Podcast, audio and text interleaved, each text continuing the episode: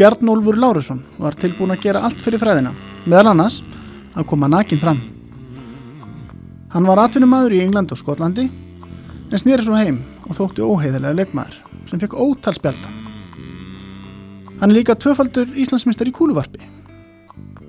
Þetta er miðjan. Ég heiti Hafliði Breðfjörð og Bjarnólfur segir sögusinn í dag.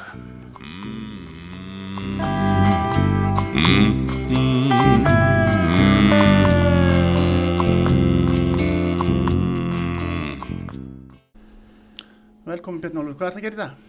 Takk fyrir það, takk fyrir að bjóða mér. E, í dag er ég hérna mitt eigi fyrirtæki sem heitir Eldjórn Capital og við erum, þetta er lítið ráðgjáða fyrirtæki sem við erum tveir, e, erum búin að vera lengi í fjármálagerónum og, og byrjum núna með haustinu að hérna vinna sjálfstætt, erum starfandi frá sjáarklasunum og erum að aðstóða bæði stór svona skráð fyrirtæki og svo minni líka í, í svona fjármögnunum og og, og, og leiða fjárfesta fyrirtækjum og annað svona rekstra tengt svo að maður er í þessum búin að vera í þessum fjármála heimi eftir, eftir knaspinu heiminn minn mm.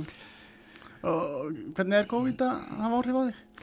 Bara, ég, við hefum verið heppin, ég byrja á fjölskyldinni bara, við hefum verið heppin að losna undan þessu sem betur fer svo far og hérna síðan svona bara atvinnulega þá hefur okkur því sem betur fyrir verið mjög vel tekið inn á markaðin og, og, og verkefnin hafi verið áfram að streyma til okkar sem er bara jákvæmt svo að COVID hefur ekki hinga til haft neikvað árið þó að sé alltaf náttúrulega óvisa í kringum hana hjá okkur eins og öllum öðrum.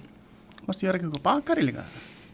Jó, eða við, eða, ég hef ekki rekið það, ég, hérna, ég fjárfesti í bakari, Passion Reykjavík heiti það í álfimónum, mm. eitt besta bakari í landsins sem að hérna, ég fjárfesti með vinnum mínum sem eru bakarar mm. og þeir eru tveir á gólfinu á, á flegi ferð okkur með eins að degi og sjáum daglega rekstur og hérna og ég svona fjárfesti mig inn í það að, að fá gott rúmstekki á hverju mótni og, og kaffibotla sem er líka við svo að við höfum búin að vera í þeim rekstri yfir ára tug núna og bara gengi vel. Frábært.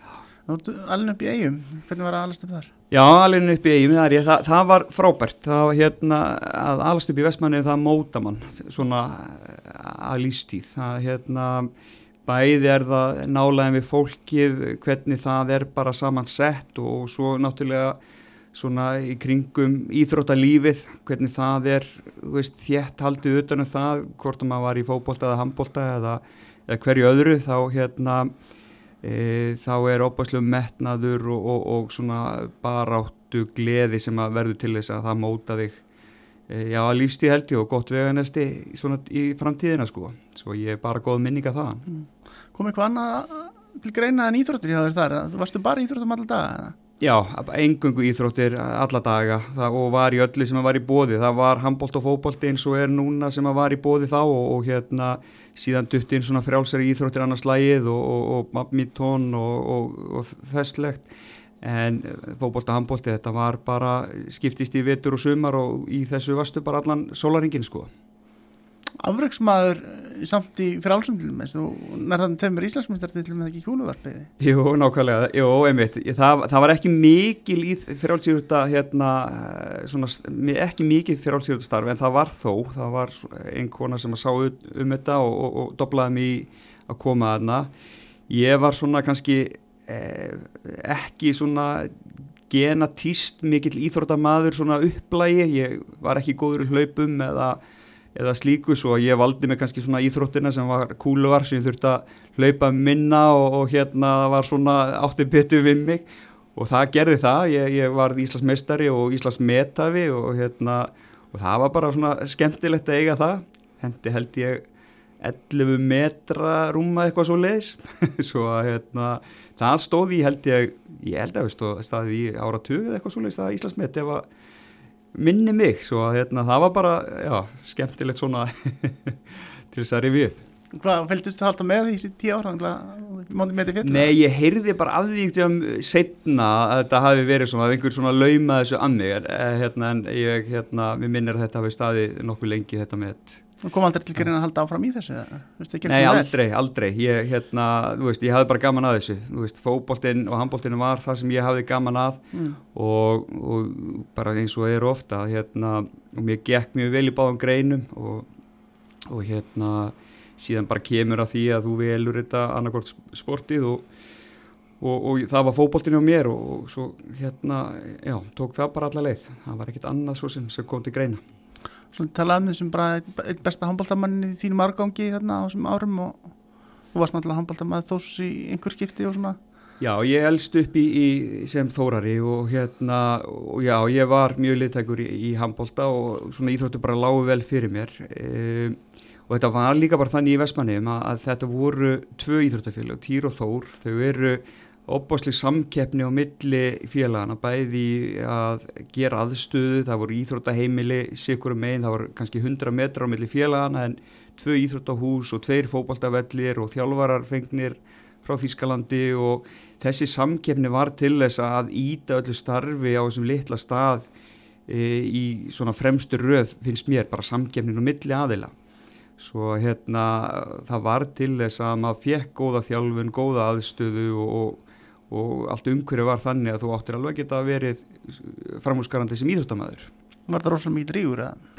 Mjög mikil rígur, það var eins og segi mikil samkemnu bara að maður horfið tilbaka bara milli það sem að heldu utanum félagun að hafa sem bestu aðstöðu og vildu virkilega vera betra en hitt félagið og svo var þetta líka bara þannig þegar við vorum kannski að keppa í handbólta eh, og þú vannst eða tapa þér og það var þjálf, þjálfariðin var líka kennariðin og það, þér var ekkert sleft eða þú tapar þá, þá, þá var það bara gerð grína því þangar til að næsta leikur kom. Svo að það var mjög mikilvægt að vinna alla leiki og því að nálega var alltaf svo mikil sko. Þetta þú varst alltaf, þetta endur speklaði bara sjálfa þig hvernig íþrótalegir fóru.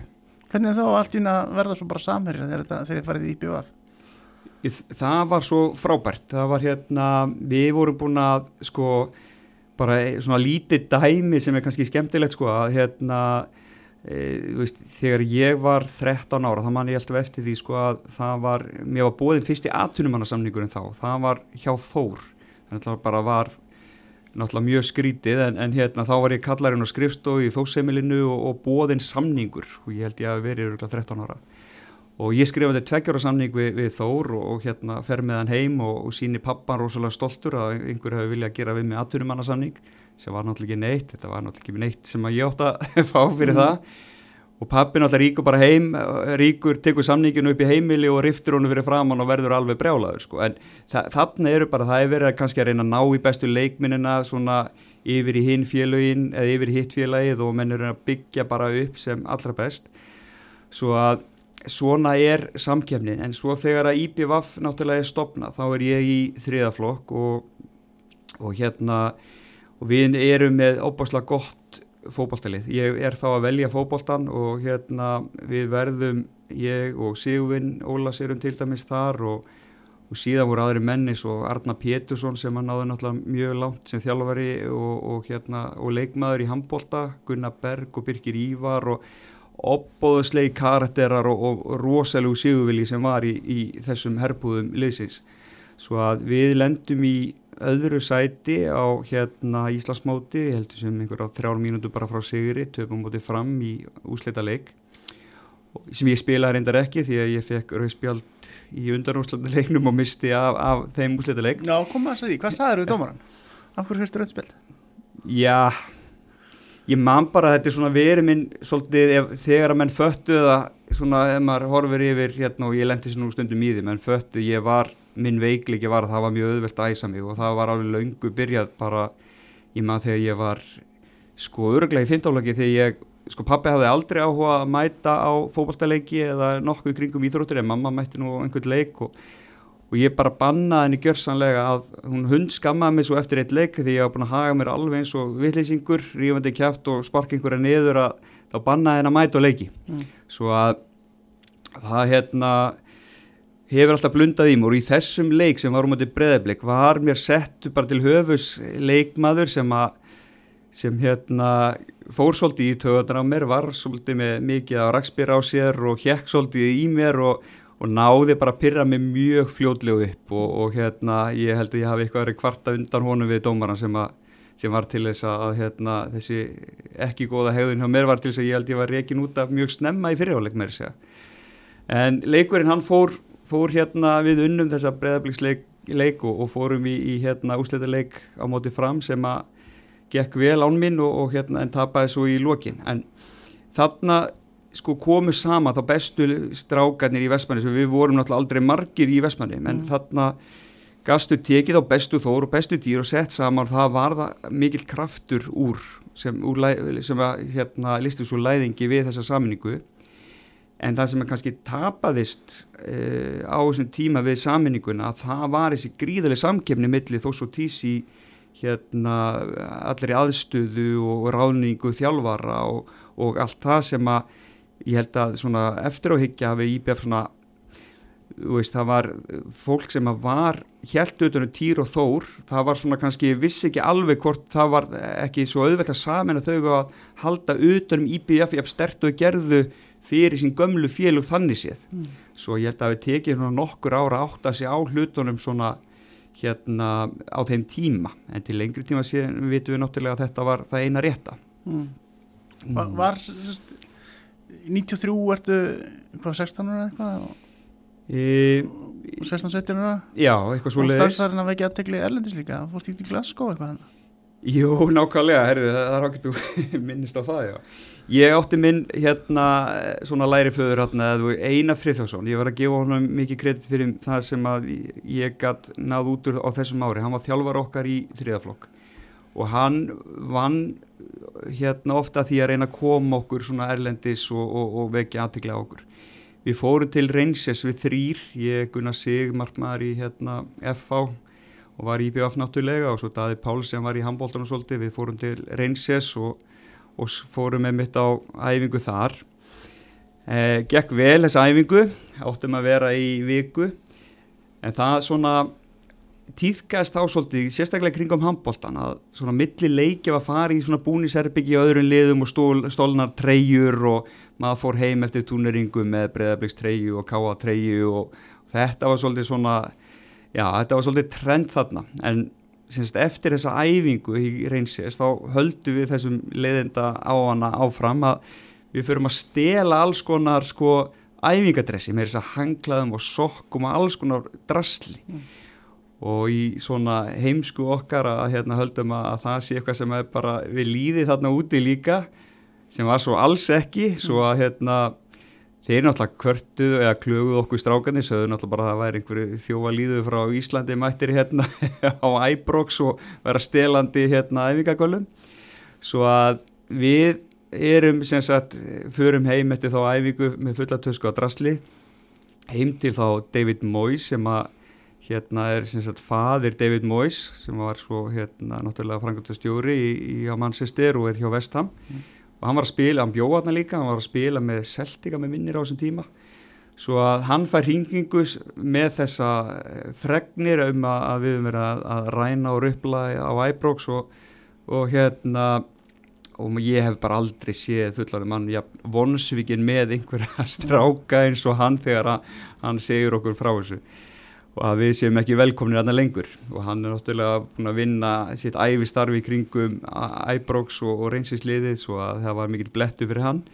Kallt greið og á þessum tíma er náttúrulega þannig að það er, ég man ekki flug til Glasgow var kannski tvísvar á, á viku svo við þurftum að býða þarna hjá honum í einhverja þrjá daga eftir næsta flugi og fóru svo heim með skótt á millja lappana það var svona fyrsti smjörþegurinn á draslinu? Nei, ég átti það, hérna, við áttum það og ég held að við vorum stoltir bara í því. Já, það. Já, hálfvita gangurum var það mikil. Já. En voru þess að farin í klefa hjá anstæðingunum í turðuningum? Já, já, við, við gerðum það og hérna, það var bara, þetta var svolítið þengi bara í allaða í Vestmannum hjá okkur. Við áttum allir nokkra búninga frá anstæðingunum og tókum sveita búninga og settum í töskur og og svo hérna var þetta því að mæðurum okkar þau komið heim mm. hérna eftir túnæringarnar Þú veist ekki hvað þetta væri? Nei, það var engin að spá í sig þá, þetta var bara normið og mætt svo bara æfingar að ísu Já, já, já, þetta var bara, já. Ertu með því kassa heima? Nei, ég er ekki með þetta, ekki í kassa heima. en þetta sumar byrjar samt meistarflokksferlin með IBF Já, við hérna, ég byrja, sérst, ég eiginlega fer aldrei í annan flokk, ég er í hérna náttúrulega í þriða flokk og við hefum frábært ár þar, 16 ára eitthvað svo leiðis og, og mér svona fannst ég alveg ætti að geta verið að banka dyrnar í meistarflokki þá, mér þá var meistarflokkun bara í, í basli, ekkert pláss fyrir unga og þorskaða leikmenn. Mm en þegar ég fer 17 ára þá erum við bara teknir upp í meistarhalsflóhópin og erum þá einmitt, ég og Sigurvin erum að detta hann inn saman 17 ára og erum að mæta með bara náttúrulega, það eru bara 30 menn, það eru 13-15 ára á millisumra og en mikið af á þessum tíma er að koma samt sem áður opboslega mikið af efnilegum strákum að upp, það er Þegar við tverum að koma, Herman Reyðas er að koma, Tryggvi Guðmusson er aðna, Stengrum Jóhannesson, Rútur var, mætt, var byrjaður að spila þarna. Svo að það er ákveðin bilgja að koma góðum leikmunum eftir langt svona samdráttaskeið þarna í eigum það var e, íbjöðafar Íslandsmeitari 79 unnu byggjarinn eru 81 eitthvað svo leiðis og svo er ekkert búið að gerast og búið að berjast við í, í basli bara í mörgmörgar svo við erum svona kynslo sem erum að og ætliðum, við vorum búin að vera að hérna verið í fremstu röð e, hérna á okkar árgangi og við ætlum bara að taka IBF á annað level heldur en það hafi verið undanfærin ár. Og svo voru fyrir það voru svona kynslu þar sem að Heimir Hallgrís var búin að vera og Frikki Sæbjörns og Nökkvi Sveins og, og margir svona góðir eiga menn mm. svo við komum hann inn í mjög skemmtilegt umhverfi og, og hérna, erum svolítið að, að ruggla í þessu, komum svolítið svona það er svolítið læti í okkur, við höfum opaslega mikið sjálfströst og, og hérna berum enga virðingu fyrir þessum gömlu skápum og, og þeir eru hérna gríðarlega sterkir og, og hérna og það er bara slagsmála á nánast hverju æfingu, þetta er svona verður hálgjörð svona kjarnorka. Það er bara við komum inn með eitthvað efni sem að þeir voru ekki með og þeir höfðu annað sem við höfum ekki og það verður opaslega skemmtileg dýnamík í búniserbygginu á þessum árum. En þó ekkit neikvæð alls ekki neikvæð, þú veist við, eins og ég segi við, og ég er ekkert að ljúa því að það, það var slegist nánast okkur einustu æfingu en það var alltaf bú og það var bara normið, það var við vorum að, þú veist, að stríðustu strákum sem voru eldri en við miklu sterkari en þeir létt okkur líka algjörlega að finna fyrir því að við vorum pjakkar voru það ekki einhverjar uppákomar á millikara? Jú, það var bara, það var slegist menn voru að, hérna gríta mönnum í jörðina og það bara þurfti að stoppa þeim, ykkur svo bara haldið áfram Hvað var það vestur sem lendur í? Já, ég, sko, ég sem betur fyrir var ég svona, uh, í yngra liðinu var ég náttúrulega með hemma sem að hann, hann var svolítið í þessu fyrir okkur. Ég lendi svolítið í Nökkva Sveins til dæmis, hann var hérna, hann var grófur bara leikmaður, ég bara segið það og hérna, og hann var miðjumæður eins og ég og ég var teknískur og ekki hann, en hann var böðull og hann let mann sko finna fyrir því og, og, og maður lærði svo mikið þarna hvað sko bara attitútið og sigur vilji og baróttu hvað þetta skila mönnum og, og það höfðu þeir og þeir léttum mann finna vel fyrir því Og þurftur þú þá þarna á þessum tímapunkti að, að segja skilja við handbóltan eða?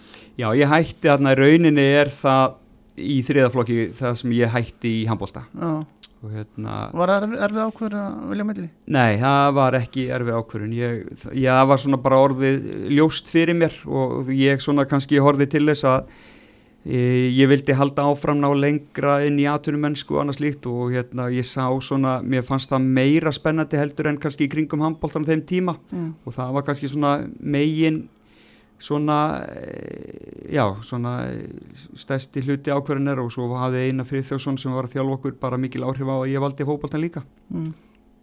95 tekur allir aðvals við fókbaltanum?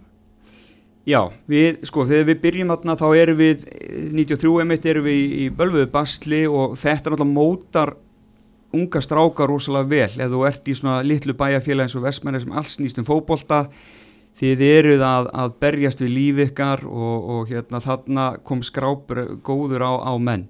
Síðan þegar allir á þinn að þá kemur allt önnur holning á og sjálfsturst inn í bæjarfélagi einhvern veginn. Er, hann kemur bara eiginlega beint úr þýskaskólanum með skipulæð upp á tíu hvernig á að spila einfaldan fókbólta árangusríkan hann er að fá okkur sem erum þá orðin tveimur árum eldri búin að taka svolítið eldskýrnina í, í meistaraflokki búin að hafa fyrir hlutunum og við erum að verða betri.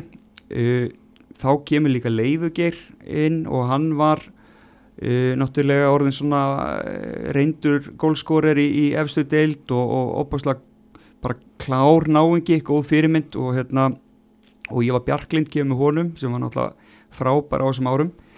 E, þeir koma og svo er þetta bara eigamenn og, og það myndast bara ótrúlega dýnamik í kringum þessa baróttu og hörku sem hafa búin að myndast í okkur og svo koma fögnin inn og fólk var farið að mæta á völlin bara til þess að sjá fögnin og allir gaf okkur svolítið svona kreatív bara svona, svona bara svæði til þess að skapa bæði inn á vellinum og fyrir utanan svo að það og, og svo hafðan bara opbóstlega góð áhrif sem fyrirmynd á okkur og sérstaklega Hermar Heiða sem að vara styrkjast þarna á þessum tíma en það bara hann datt vel inn þarna hjá okkur Hvernig gerist þetta með? Akkur, var þetta bara fundur eða? Já, ég, sko, ég er nokkuð vissum að Leifugir hefði byrjað með þetta mm. og, og hann náttúrulega við erum svona sko hálgjörða gelgjur hérna svolítið má ég að segja á þessum ára þessi svona ungu sem á þóttums kunna og geta allt sko og hann var svona reyndari og hann er náttúrulega bara eldklár ná ekki og þeir vinna alltaf í lokin. Svo hann einhvern veginn byrja held ég með þetta og byrja svona að hérna að stingu upp á og svo komu hugmyndir. Og ég held að örgulega ekki lítist allt of vel á til þess að byrja með okkur sem vildum bara vera cool inn á vellinum og ekki hafa okkur eins og einhverju rastnar sko. En það var svo margt sem gerist þetta líka bara sko eins og uh, þessi sigur söngur sem að eigamenn syngi í dag þú veist dúri-dara, dúri-dara, dúri-dei sem allir hata að heyra eftir að hafa tapandi eigum, mm. það byrja þarna. Svo að, þú veist, lægi slór og skýtur beintur hjarta eigamanna veist, það er þetta byrjar fögnin koma og, og það er einhvern veginn fólk byrja bara að mæta á vellina.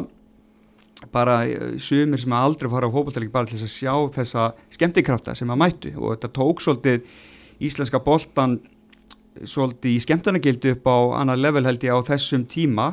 Við lendum minnum í þriðja sæti en ég held að við munni deildina þannig séð upp á bara árangurinn og skemmtunum sem við, við byggum til á þessum, þessu ári. Var fundaði, hvernig var enduð aðeins hvernig að ákveða næsta fagn eða hvernig virkaði þetta? Já, svo var það einmitt, Þa, það, það var gert þannig. Það mm. var, eftiræfingar var hérna eh, komið menn bara með að borðinu hugmyndir af fögnum og stundum voru veist, hérna var hérna harfesti gott að komu kannski fjórar hugmyndir, þrjá fjórar og stundum var bara ein hugmynd sem var góð og eitthvað svo leiðis en það skrítna við þetta alltaf við skorum alltaf jafn mörg mörg og við vorum búin að ákveða að fagna Alveg. það var bara 95% í tilveikum var þetta bara þannig mm. við, og það er kannski eitthvað svona í svona í mindsetinu, eitthvað þú ert bara stillað inn á hvað sem þú ætlar að gera því að langa svo að sína þrjúfögna því að þriðafagna er svo fyndið og gott og eh, skilur þau, þetta var einhvern veginn þannig að það bara smelt passaði alltaf og eitt fag þá var bara eitt mark. Það skrýt og það er. Kennir fólki eitthvað um hugafæru og markmiðarsetningar? Já það er náttúrulega, við, ég, þú veist, maður bara spáði í svona eftir á því að þú veist, þetta, maður var ekkert að hugsa um þetta þá en þetta var bara svona. Og nákvæmlega það er bara sálræðinni hluturinn sem að og þá er vantilega verið Leifi Gyr sem var svona fimmsunum kláran við allir hinnir mm. hann er vantilega verið búin að búin að sjá það sálfræði mentaður og, og hérna stúdira þetta. Þegar stjórnumenn tóku þetta svo mörgum árum setna þá voru þeir heimsfræðir en það var ekkit internet þegar þið voru þessi.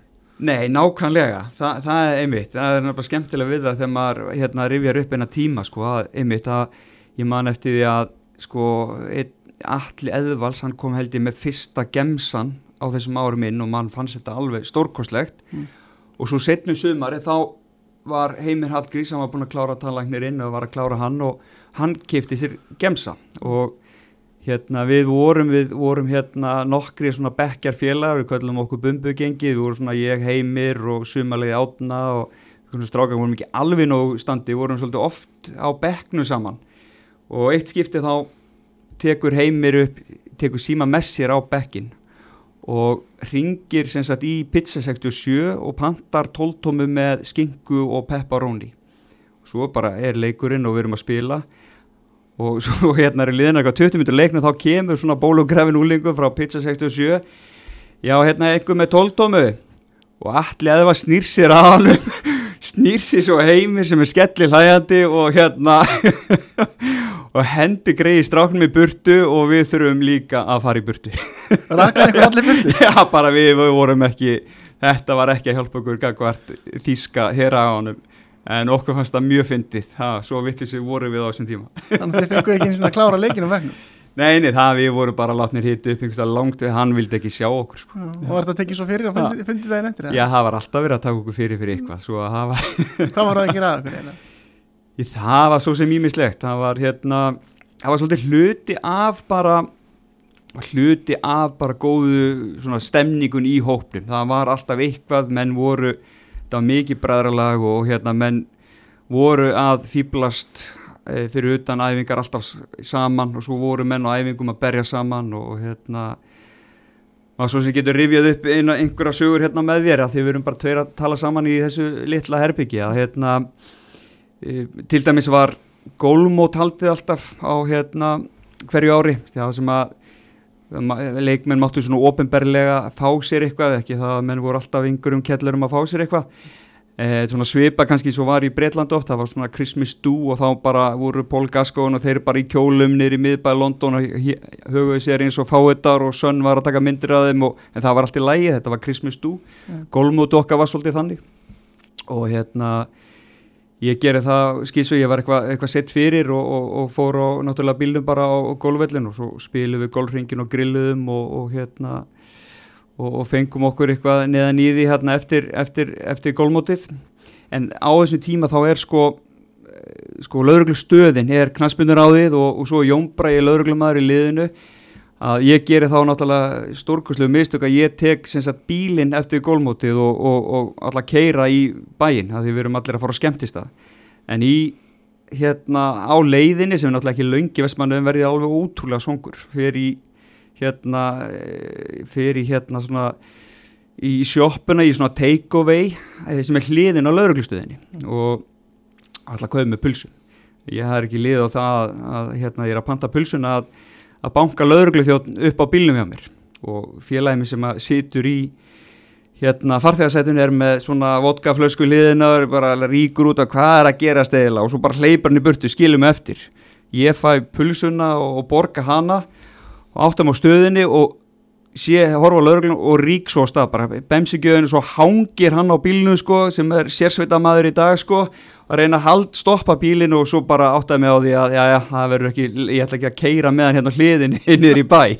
Svo ég stoppa bílinn og, og er náttúrulega bara tekin og, og hendin í lauruglustöð og teki blóðsynni og, og hérna það er afgreitt og er mættur á Kalips og aðal skemmtistæðin þarna 93 í Vestmannu klukkutíma setna og svo er þetta bara tekið fyrir á æfingu daginn eftir og það er hleyjað þessu og svo er þetta bara afgreitt og búið og veist, þetta er svona þú veist, þegar maður talar um hennar tíma þá var þetta svona svolítið normið kannski þarna svona vittleisa en í dag það bara Guð hjálpi mönnu sem að myndi að hagast í því skiptið svona sko. En afleðing, það hafa nú verið einhver hjá, hjá lögreglunni, eða ekki?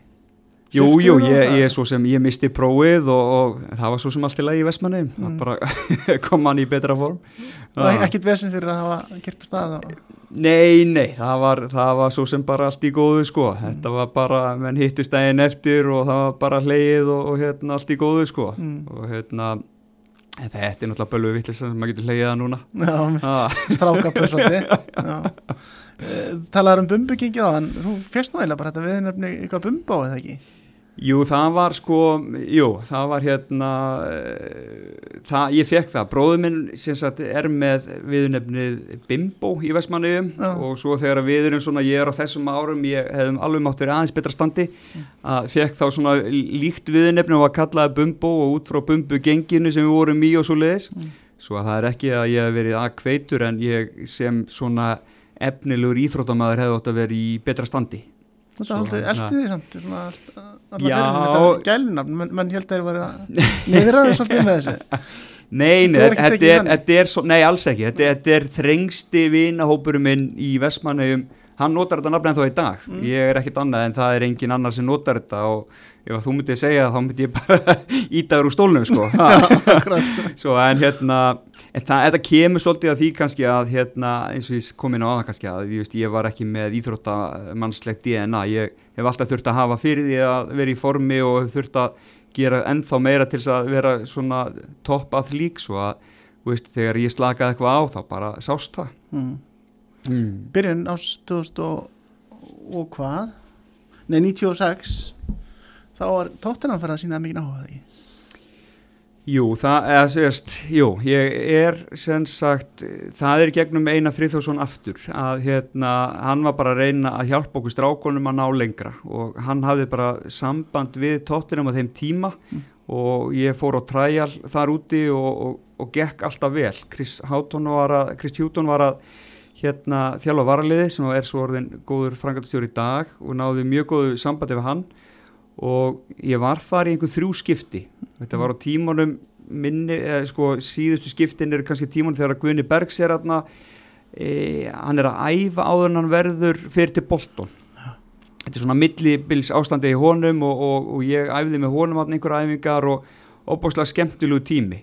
En svo var það bara e, eitthvað eitt í síðasta skipti þá, þá hérna er það einhverjum februarmánuði eitthvað sem að ég er bara ekki í, í forminu sem þarf að vera til þess að hérna, e, komast á, á, á samningarna og, og hérna stend mig bara ég er, þú veist, stend mig bara ekki nógu vel að þeir vilji klára það en ég var búin að vera svo sem lengi svona í kringum þetta. Það var búin að vera, þetta var tímum sem að vera að vera skiptum frangöndastjóri á tóttinum og svo leiðis að sagan mín kannski líka svona slitna á milli hérna managera hjá félaginu. Mm. svo að það var bara svona köld ákvörðin í lokin að það var ekki svo að, en það var alltaf rosalega lærdómsríkt og, og góð lífsreynsla sem að svona gaf þér smjörþun af því hvað þetta var yrði gaman að ná þessu takmarki.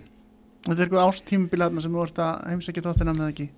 Jó, þetta er svona örglar, já, rúmlegt ár eitthvað svoleiðis sem ég er svona fara í tvær vikur í senn svona í, í þrjú skipti eitthvað svoleiðis og þá eru Hibernian og Bristol líka sko þau. Já, Hibernian fer ég, já, ég fer til Hibernian eh, 97 Já, eitthvað svoleiðis, já, 97, einmitt í kannski í februar þá. Mm. og það gengur bara mjög vel líka og hérna, en þá var sko rauninni svari þar að, þú veist, ég var ekki nægilega góðu standi til þess að þeir vildu taka mig þetta í februar og vildu að ég myndi fara og klára hérna íslenska boltan að koma í gott stand og þeir myndu vera svo í sambandi. En á þessu tíma þegar ég fer hann út á fer ég með umbósmann sem að uh, hérna deyr sko fljótlega eftir að ég er þar svo, og talandi aftur um sko tíman, við vorum ekki með í rauninni farsíma eða veist, það var ekki Facebook eða veist, tölvurnar, internetu á alla svona komið almennilega í gangarna svo að það er rauninni slittnar svolítið á samskiptin við liðið. Hvað kom fyrir hjá honum? Uh, hann lést í bílslýsi því miður Mm. og hérna eh, og uh, síðan sko gerist það að hérna ég bara er að spila hérna við eigum alltaf frábært tímabil hérna 97 í eigum Mm. og hérna uh, verðum Íslandsmeistarar og, og þegar að hérna og þegar að líður á sumari þá er náttúrulega Óli gott komið til Hibernian Mm. hann er kominn á, á staðinn og þeir svona fara að spyrjast eftir mér við hann og hérna e, á þessum tíma og hvernig ég er að standa mig og svo leiðis og hérna og, og kalla til að ég óska eftir því ég komi til þeirra á træjal eftir svona, það var síðsumas eitthvað svo leiðis og, og hérna og ég fer til, ég man ekki hvort ég farið eftir Stuttgart-leikin hérna, við klárum hann spilum út í Stuttgart úti þar sem ég skoraði náttúrulega æðislegt mark Mm. sem ég man að vera alltaf minnistætt fyrir mér en, og fer í rauninni til þeirra eftir það en ég man ekki hvort ég hafi farið á træjalatn um sömarið aftur eða hvað en þá var umbósmaður sem að ma maður rekur heimurinn svo lítill sem að heitir Kenny Moyes sem er þá bróðið David Moyes og bjó líka þarna ég var í, í hérna Rangers svo þetta einhvern veginn kem, kemur alltaf heim og saman svona í þessum litla heimi þegar maður hérna gerir þetta upp svona í lokin sko Mm. en Hibernian var náttúrulega Tökum aðeins, þetta, ég vil ekki að spyrja aðeins aðeins samt áður en fyrir mútið höfbunniðin Þú ert að fara á þessu træjul í, í ekki góðu standi af hverju gerist það hjá ungum íþróttamanni? Já, ég sko, það eru bara menn sem að kannski bara höfðu trú á mér Þú veist, ég var alltaf góður leikmaður Ég hérna, var náttúrulega um? Spila, ég hef mátt hugsa betur um mig það, mm. þú veist, ég held að það er sérlega ljóst og, mm. og hérna og ég held að líka bara sko fyrirmyndir eru svo mikilvægar og hérna kannski þegar við maður elst upp í Vestmanni þá náttúrulega Áski Sigursson er bara fyrirmynd allara Vestmanniðinga mm. síðan svona þegar ég er að komast á svona mistarflóks árin þá er Hlinu Stefáns er svona hann er farin út sko en hann var svona besti Vestmanniðingurinn í fókbólta mm. en þeir sem voru kannski mistarflóknum á þessu tímabili það Veist, það voru ekki afreiks íþróttamenn þannig séð, þetta var bara góðir gott fókbólta lið og, og svona en það vantaði kannski eins og kannski margir ungi kransmyndin hafi í dag opbóslega góða fyrirmyndir. Og hvað, hvað þarf að leggja ás og gera til þess að ná langt? Uh, ég hafði klálega hæfileikana og hérna svona getuna en það var þessi fysík sem að ég þurfti alltaf að hugsa hérna velum og gerða misvel á svona mismunandi tímafélum mm og svo er þetta líka þannig að á þessu tíanfili að þá er, eru æfingar raunin ekki að fara almenni í gang nema um áramótin mm. skiljið, það var eiginlega bara allt haust, það var bara frí ja. og síðan var eiginlega að byrja bara æfingar í hérna januar, februar eitthvað svoleiðis og, og svo var ég að fara til hefbörnjan á træjal hjá aðtunumannaliði sem er bara high season í februar og rétt byrja að ræfa rétt byrja að ræfa sko. svo að það er náttúrulega samaburinn er þá aldrei, aldrei góður sko. Og hausinni var stríðað líka? Ég, ég? var hausinni stríðað líka? Ég las hérna byrjun tímpil 97 vitil og Ómar Jóhansson já. Og hann segir sá hluti sem ég hef minnst að trúa á miðjan, þetta er spurning um höfuð á Bjarnólu ef hann ætlar að gera þetta bara eigin spítið og hrinur út um leið. Varstu það erfiður með þetta? Var ég erfið með þetta? Já, hafa hausin í þessu Nei, alls ekki. Ég var mjög dedikeraður í fókbaltan og mm. það var það sem að hérna, eina sem ég vildi gera í lífunu á þessum árum. Og þetta verið ósangið með umæli hjá hann? E, ég svo sem áttum ekki nákvæmlega hvað hann er að vitni hann, hérna, en, en það var aldrei sko, hugurum var alltaf, veist, rétt skrúar á hvað var það að ná árangri í fókbaltan. Mm. Og, og þið verðið Íslandsmyndstar þetta sumar líka, þetta var geggjað ár fyrir IPF. Já, við algjörlega frábært ár og byggði ofan á það sem að allir var búin að leysu læðingi hjá okkur og, mm. og, og, og bara algjörlega, bara frábær árgangur að koma upp og búið að styrkja með þá hérna, mönnum, aðkomu mönnum sem bara styrktu liði en, en megni að þessu heimamenn sem að voru búin að móta menningu liðsins. Mm. Hvað, mannstu hvernig það trefðið til? Hvernig það trefðið mann? Já. Já, það var í leikumóti Keflavík, minni mig Heima? Heima, já, já.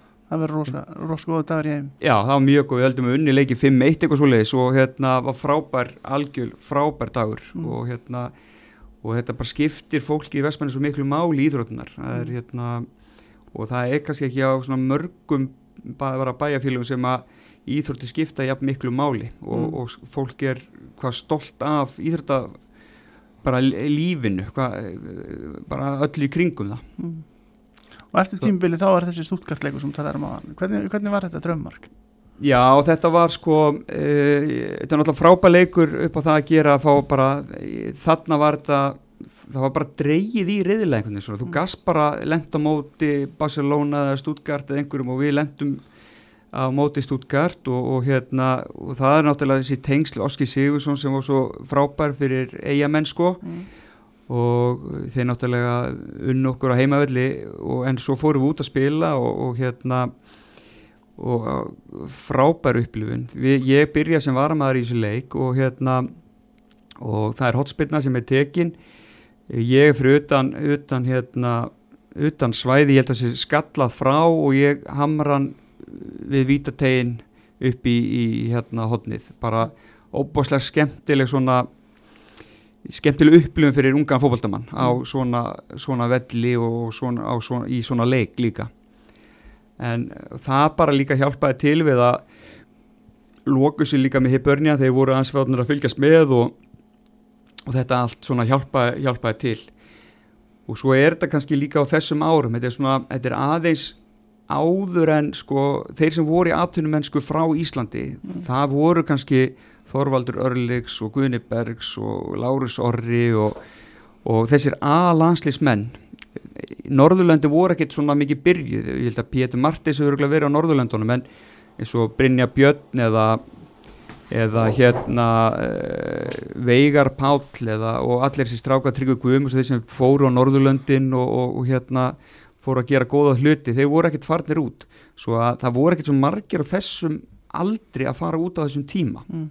sem að var náttúrulega svona freka sérstætt sko og mjög skemmtilegt mm. Þegar þú semur þarna við, við heiparinn þá þá er þú saminslaus við eigamenn og menn verða búið ásattir, eða ekki?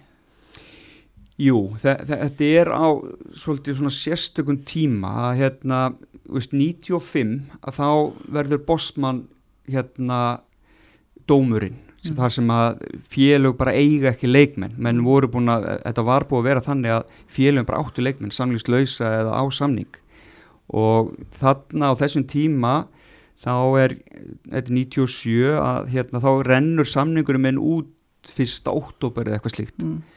e, sam, leikurum við sko tímabili Íslandi klárast náttúrulega í byrjun september á þessum, þessum árum og, og stútgalleikunur bara miðjan september og eitthvað svo leiðis og þeir ætla að neyta mér um það að fara til hér börnjan og skrifa undir þó að sé bara einhverjar vikur eftir af samningnum mm. og ég er náttúrulega mjög ósáttu við það og, og hérna og, og, og það verður til þess bara að hérna það var bara útgerða maður sem var mjög tengtur vel og þóttu væntu mig, hann, hann hérna lappa bara inn í IBVF og skriftunum og sagði bara svona haga menn sér ekki og, og, og þeir þurftu bara að kingja því að, að hleypa mér til hibbörnjan en ég held að þeir hafi, svo sem þeir voru búin að selja Herman á, á góðan pening á þessum árum og töldu kannski að þeir getur fengið eitthvað fyrir mig sem var svo sem ekkert, það var ekkert að fara að gerast. Mm. og þetta var svona bara leiðinda svona svona endir á svona slitunum við, við uppeldisfélagið sem verður úlíka sko að verður ákveðin svona ég kem sko sumari setna bara alltaf hérna æfa með IPVaf mm. og þá er mér hafnað að æfa með félaginu þegar ég kem tilbaka bara eftir tíanbili og heibörnjan mm. svo að verða svona leiðindi sem að menn er ennþá pyrraður út í já, menn, já bara menn leifa mér ekki að æfa með IPVaf í sumafríu hjá heibörnjan þetta er mm. svoleiðis mál og sem að var svona Svona, já, það var svona, svona sárt kannski að mm. hérna, hafa þurfa skilja við uppeldisfélagi þannig. Já. En þetta frá mínu bæðir sem var bara, þetta bara var einhver hérna náttúrulega draumur og það voru ekkert mörg tækifæri búið að komast út svo að veist, þetta var bara játni sem þú vildir hamra og klára. Það er gott að þið ert að koma svona ungur í aðtunum mennskuna, Óli gott að vera þetta fyrir á viljaðinu. Já, það var alveg geggja, Óli náttúrulega algjör snillíku bara og og hjálpaði mér mjög mikið hann var, hann var þrítur eitthvað svoleiðis var búin að veist, lifa lífinu aðeins og, og hérna þekkt þetta og svo að þegar ég kem átt nút þá var þetta bara þannig í liðan og þegar þú bara skrifum þetta samning og svo bara on you go sko, þú sást um því sjálfur en Óli hjálpaði mér að, að, að kaupa, þú veist kaupa húsnaði og bíl og, og komir inn í hlutina bara mm. svo að það var alveg, það var frábært að hafa hann aðna mm. hann var líka bara vel liðin og, og flottur ná ekki mm. Byrjar rosalega vel hjá þér, þú skorar í vista leika ekki? Jú, byrjar rosa vel og hérna, þetta áttir rosa vel við mig ég, hérna, ég raunir því ég kem út ég er, ég er rauninni bara betri svona fókbóltamaður heldur en margur skotin með betri skotækni og hafði marg sem er hafði ekki, en ég hafði ekki fysikina til að kannski að halda í við raðan og pressuna og djövelgangi sem að þurft að vera þarna en í fyrsta leiknum að hérna, að þá er þetta þannig að að hérna ég kem minna og, og svona í rauninni bara tek svolítið yfir leikin þeir voru að spila motið Kilmanok mm. og, og hérna e, voru í, í ykkur basli og ég svona, maður lítið baka ungur nýkominn inn í liðið bara byrja stjórna miðjunni og áfullt af skotum sem að eru varin og enda að leiki með því að skora mark. Svo að byrjunin var mjög sterk og skemmtileg. Og en, en það var alveg ljóst sko að að, að, að fá mig í liði átti alltaf að vera til framtíðar hug, hugsað, ég, þetta tímabil fyrst átti alltaf að vera koma mig bara inn í boltan og inn í hraðan og allt þetta. Svo að hérna e, það gekk svona upp og ofan þetta tímabil en ég var alltaf að bæta mig mikið sem knaspunum mann þá sérstaklega svona á fiskal hliðinni. Og þú, svo byrjar rauninni bara verra tímabil hérna þar sem að þið missið eða báðið settið í liðinu eða ekki Jú, það, já, það, það er sagt, þegar við, það gengur ekki nógu vel á tímabilinu og, og við í rauninu hefur fellur úr Premium League mm. þarna þetta árið mm. og það er skiptum frangöldastjóra, Alec McLeese kemur inn mm. og hann í rauninni bara svolítið þurkar út, bara þá sem að voru búið að, að sæna af eldri hérna, frangöldastjóra og skiptir eiginlega bara alveg útliðinu þannig mm. að miklu leiti svona til lengri tíma Já. ég var svona einnaði fyrri sem að fóru frá félaginu eða fengu sagt, svona release frá félaginu mm. og síðan svona fjaraði út svona flestir þeir leikmenn sem voru til staðar mm. svo hann byggði bara upp í rauninni nýtt lið Var það rauðt að vera aðna og fá aldrei að spila?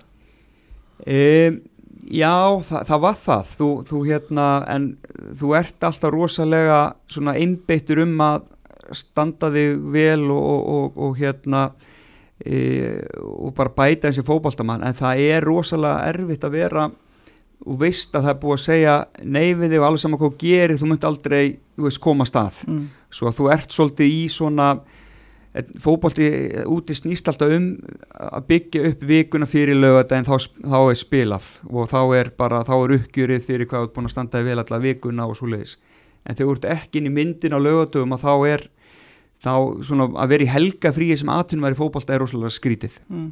svo að hérna það reynir, atvinnumennskan er rosalega fljóta að reyna á hverslas karakter þú hefur að geima Hvernig fór það með hausinu þar? E, bara allt í lagi sko það var, veist, það það braut mig ekki neitt sko mm. ég hérna, veist, ég var alltaf bara á svona lengra svona ég ætlaði bara alltaf að ná lengra og var þá bara að hugsa um að hvernig ég geti komist í burtu mm. og, og hérna ná svona í, í næsta sén sko sem að verður þá þarna Volsól í ennsku sýtildinu bara já, árið eftir já, já, ég kem inn í Volsól sem að bara líti bæjarfélag hérna fyrir utan Börmíka mm. Börmíka er náttúrulega svæðið þar sem er, þú veist, Vest Bromvits og Aston Villa og Úlvatnir og Birmingham náttúrulega og svo er Volsól sem er bara svona pínu lítið lið þarna hliðin að þessu stórum klúpum mm. Uh, og ég meina þetta ár byrja bara frekar svona rólega, ég held að þeir hafi, ég kem hann í óttabér, þeir voru búin að fara í æfingarferð og þá voru held ég, þú veist, 13 leikmenn í liðinu þegar þeir fara í æfingarferðina og, og svo er þeir bara svona tína einn leikmenn sem að líður á sísonið og ég kem Fæ, þeir hérna nálgast mig í óttobér eftir að fyrirliðin að meiðist og, hérna, og ég kem hérna niður og, og er algjörlega tilbúin í, í barótuna. Mm. búin að byggja mig vel upp líkanlega og hérna andlega mjög klár í, í verkefnið. Og þetta ár var náttúrulega bara algjörlega frábært í öllu leiti við, við hérna erum að spila þessa deilt var, þetta er stór deilt hérna þó að þetta sé deilt sko eða þess að triði efsta deilt að þarna eru sem sagt fúllam Alfætt var búin að kaupa fúllam og Kíkan var búin að taka við liðinu og þeir voru að byggja upp gríðala stert lið og Manchester City var í deildinni þarna líka með sína, þú veist, 30-40 þúsund á leik og, og þeir voru að fara að byggja sér aftur upp. Og svo voru hérna Stoke og David Moyes og með Preston og veist, fullt, fullt að koma liðum. E, Volsól hafði aldrei farið upp úr þessari deilt svo að, hérna, að árangu sem við náðum á þessu ári var algjörlega frábær. Og við förum upp sem liðið nummið tvö mm. með fullam og, og maður sitt í fyrir playoffs mm. svo þetta var árangu sem að fólk mann mjög vel eftir frá klubnum og ég var bara núna e, síðasta haust varum í bóði það var hérna hvað var þá tímum svo fljótu liða, annarko 10 eða 20 ár síðan að við hérna fórum upp um deilt mm. og það voru mættir ykkur 400-600 manns á bara svona dinner okkur til heiðus sem að hérna var bara að mun eftir þessari promotion hjá liðinu og hérna og svo okkur bóðið á leikindaginn eftir og, og þetta er ægilega gaman að sjá hvað fólk man eftir þessu liði sem byggðist upp á þessum tíma. Skrítið að vera með lið sem er kannski með fjögur til tíð húsund manns á heimaleg en fara svo að spila um mannstu sitt í fyrir fullu húsi þar. Já, já, það var og, og algjörlega bara geggjað sko og hérna og, og þetta liðið bara svona, þetta er eins og í- maður lýsir þessu, þetta er bara svona svolítið kannski sem að þekkir smábæða lið, það er allir þeir koma bara úr veksmiðinni og bara fara á leikinn, þú veist það er enginn frá Kína eða Íslandi eða koma að horfa með rækjusamlóku sko á, á leikina, það er bara það er bara vinnandi verkaliðurinn sem að mætir á þessa leiki og er brjálaðar á leikjónum Mm. svo að stemningin þú veist, í svona einmitt tíu, tíu manna svona velli er alveg frábær og, og hérna en auðvitað var rosalega stórt að fara á svo stóru velli líka. Mm. og skemmtilegt.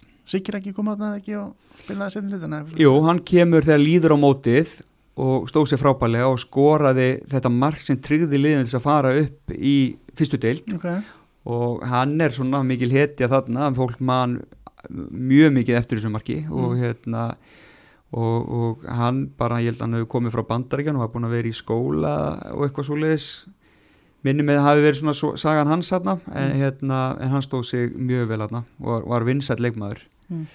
Þessi dagur þar sem að þið tryggið ykkur upp þetta var rosalegt ekki? Að fylltist völlun þannig að fólki í hlupinu og öllin og svona ekki? Jú, jú, jú, nákvæmlega, jú, einmitt. Þetta var bara svona eins og old school hérna breski boltin að fólk bara hljóp inna og allt var trillt og, Mm.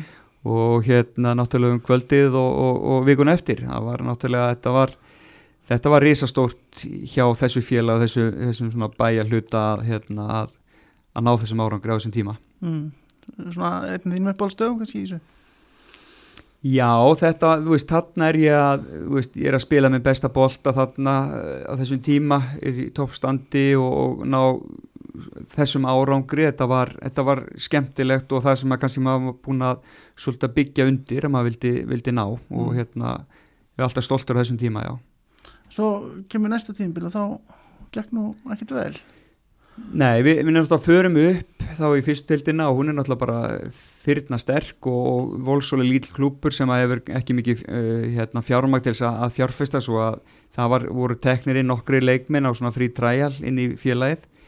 E, ég sjálfur svona þetta var, hefði verið gulli tækifæri fyrir mig að svona byggja meira upp til það sem ég hafa búin að gera og ég verð að segja að ég bara kom því miður ekki í nógu góðu standi út eftir sumari hérna á Íslandi. Í staðin fyrir að fara bara í bootcamp hérna á Íslandi þá var ég að gera aðra hluti bara svona í róliheitunum og, og, og hérna svona tekum í smá tíma að komast í takt við hérna takt við deildina og, og hérna svona gekk svona upp og ofan og það var hérna átti góða leiki og átti ekki góða leiki og það var orðin harðari samkeppni þeir voru með landsleismanns frá Ungverjalandi sem var komin inn á miðuna líka og það var allt bara eins og það á að vera náttúrulega, þú veist, bara e, allt bara sterkara og, og, og meiri samkeppni í öllu. þú áttu bara verið með að komast til liðs sem sagt. Já, ég var, ég var svona inn og út úr liðun eftir að hafa verið bara með miðjun algjörlega eh, hérna áriðan áður, árun, árun áður. Þá, þá var mér svona svolítið skipt út fyrir hérna ungvenskan landsleismann sem kom þá inn og ég var svona að berjast við að, að halda, komast inn og halda sætinu mínu. Og það svona gekk upp og ofan það árið. Eitthvað, er náttúrulega hjá, hjá liðinu líka ekki, ég, ég las svona einhverja greinum að stuðnismenn hafa viljað eigandaskipti og svona Jú, jú, svo, það sko, það var náttúrulega bara e, liðinu, vist, við vorum og það var alveg vita fyrirfram að þetta er alltaf basla að halda sér, það er, hefði verið góður ánur að halda liðinu uppi sko Mm. e, en þeir fannst hann ekki vera að eigða þeim peningum sem að þyrti til að halda liðinu uppi og, og ég held að eh, svona viðskiptilega séð hafi það bara verið rétt mat að félagi bara ekkert þungan launakostnað eða háar fjár, fjárfyrstikar í leikmönnum mm. svo til að hafa hann svona sjálfbæra þá var það kannski svona viðskiptilega rétt ákvörðun en, en áhörundu vilja hérna aðdándu liðana vilja alltaf betri árangur og, og meiri fjárfestingar. Mm. svo að það fókust ekki saman. En hérna nei nei en það var hérna eins og er bara í Breitlandi ef það er ekki árangur þá bara lætið fólk vita að því. Skinni eru mikið svona pering í bæðafélaginu Nei, nei, ég held ekki þannig sko, það var, þú veist, mér fannst alltaf allir hérna með okkur í öllu og þetta lið var mjög vinsalt sem við vorum búin að byggja upp, fólk bara virðingu fyrir því og þetta snýrist ekki að leikmönnum sem slíkum, þetta meira bara þá verið fyrir ekkar svona umgjörðum að halda betur um þetta og fást inn sterkar til að hjálpa til sko, mm. en hérna, nei, nei, það var, ég fann ekki fyrir því, það var engi pyrringur út í okkur sko. Þú spilaði svolítið með varlegin þarna og þú gerði nú eitthvað aðeir þannig að þú vist sekt frá félaginu. Já, það? Mærtu hvað það var? Nei, ég man það ekki. Þurfum að boltanum upp í stúku. Já, það? það er ekki líkt mér. Ég held ekki. Ok, nei, já, já, ég var alveg pyrraður á þessu tímanbili, já, ég var mjög ósáttur að, að vera ekki að fá eins mörg tækifæri og ég hefði hérna viljað, ég skal Mm. alveg viðkjöna það, Mm. En við vorum með mjög skemmtilega frangöndastjóra á þessum tíma líka, hann var hérna algjör old school náungi Mm. og veist, það mátti ekki vera með húurinn í búnisherbyggi eða eyrnalokka og, og gullkeðjur og svona rapparlokk var algjörlega bannað og veist, það var bara svona, veist, það var við vorum það var alltaf verið að segta okkur og Michael Rickett sem að hérna var í liðinu á þessum tíma og fór svo í Bolton enska landslið það voru, það voru vikur það sem að hann fekk sést, minna útborgaldur sektindir hans voru. Svo Já, þetta var bara svoleið svo að það var alltaf verið að djöblast í okkur. Mm. svo að hérna, þú veist jú, ég fekk alveg pottið sekt en ég sparka bóltar í stúku. Anskotin En varst þú eitthvað svona að fá eitthvað- ákúru fyrir hvernig þú dressaðir þig eða með eitthvað keðjur eða eitthvað? Já, já, eða sko já, sérstaklega í sko, þú veist, ég var þeim fannst ég bara illa klættur, þeim Já. fannst ég bara með ljóta tísku og, og hérna bretin sko, hann var svolítið, hann er náttúrulega mjög ferkantaður og, og hérna er með ákveð svona stíl sem að okkur finnst kannski frekar hallislegur og við erum svona meira hérna svona lús á hlutunum og, og ég var svona kallar svona skröffi gæi eða svona, ég veit ekki hvað það væri verður það ekki hipster í dag eða eitthvað það skilir Mm. það var svona, það var mitt lúk og þeim fannst það ekki gott lúk og, og hérna gerðu oft grína því, menn fóru stundum í fötunum mínum á æfingu til dæmis, bara upp á grínið sko svo að, hérna svo að í staðan fyrir að fara í æfingagallan þá voru bara klættir í mín föt og mættir í, í reit, svo að hérna það var, það var ekki? ég þetta, þetta var bara stemningin þú veist í, þú veist, það var, ég veit ekki hvort það sé mikið breytt núna en, en þetta snýrist allt upp á hérna svarta húmórin og, og hérna það þýtti ekki að vera lítið lýsir hérna sko, Mm. þá, þá gast alveg og verið heimi á með möðinni sko. En þú íhugur að fara heim eftir þetta tímbili Ólsjöl og, og skoða samt alveg hvað Bristol og Carlisle og Chesterfield og... Já, ég, ég tek svona aðeins sko, uh, tek svona aðeins rúndin, það var uh, hérna, sko Volsól var búin að bjóða mig samninga á þessum tíma, ég svona er aðeins að býða með það og svo svona fjarar einhvern veginn undan þessu, það, það verður ekkert úr þessu samning, svo ég er svona eftir Volsól tíðanbili í fyrstöldinni svona samninga, samningslaus. Og ég fer á træjal hjá nokkrum félugum sem eru að skoða mig og, og er svolítið bara að halda mér í standi sjálfu líka Uh, og, og það svona líður bara tími sem að er ekkert að gerast og þangar til að volsól detturinn Mm. og þá er rauninni tímabili hafið og hérna og ég man eftir því minna það var þeir þurfti að borga mér eitthvað svona fyrirfram greitt laun bara til þess að ég geti svona borgað húsnæðislánunum og, og svoleiði skilur Mm. þetta var orðið svona, svona kreppu ástanda á, á stráknum og, og hérna bara skemmtilegu tími sko en hérna þú veist og þá var hérna veist, fór, fór ég þangað, ég bjó í Northampton sem að ég er svona miðju Englandi svo að þessi tíma, tímabili í Skönþorp ég er að keira kannski tvo klukkutíma uppbyttir á dag gisti þar yfir nótt og, og svo keiri heim eftir daginn eftir aðeingu daginn eftir skilu þetta er svolítið mikið ferðalag þetta ár sko Akkurat svona langt í burtu. ég bara bjóð þar og þetta var ársamningur og ég ætla ekkert að veist, það er ekkert svona það er ekkert fallir almenningsgarðar kannski í skönþorp skilur, þetta er ekkert svona þorpi sem að þú vilt búa í og hérna og ég verð þannig að hérna, ég vil bara freka búa það sem ég er og, og leggja á mig að kera á milli og gisti bara í heimagistingu hérna í skönþorp yfir vikuna og fer svo heim um helgar. Svo að hérna öllu leiti frábært ár sko í skönþorp er að hérna gengur vel og hérna en þetta var, þetta var ferðalag í kringum þetta. Mm. Mm. Hvernig, hvernig er Skönþorp? Er þetta skriðin bæri eða?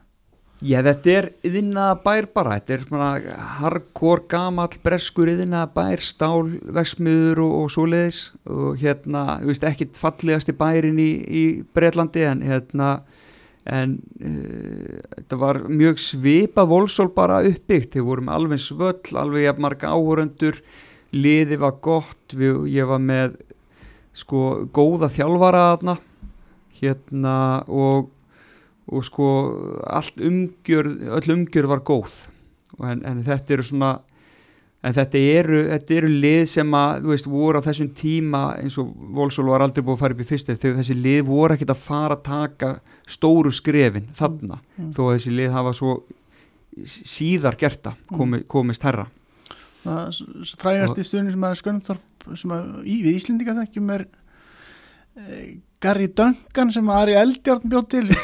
Já, nákvæmlega. Gæstu séð hann í mörgum hann Já, þetta, þetta er skemmtilegt sko, er, hérna, já, já, þeir eru alveg svona, þetta er, þú veist, eins og kannski lýsa með hérna volsól sko, menn bara komu vexmiðinu og mæta þarna og drekka bjórin og, og fá sér pæ og, og bara lifa fyrir lögadagsleikin sko. Mm. og, og svo bara eru menn mættir í vexmiðina, þú veist, á mánundeginu sko, mm. Þetta er það sem að gefur, gefur þessu samfélagi svona skemmtilegan blæ og hérna og það er alltaf rosa gaman að spila fyrir svona lið sem að passjónin er svona mikil sko. Já. Það er ekki gaman að gera döngan þegar hann kom á Jú, ég hafði mjög gaman að honum og hérna og Ari er náttúrulega bara góður í öllu sem að tekja sér fyrir hendur sko. Mm.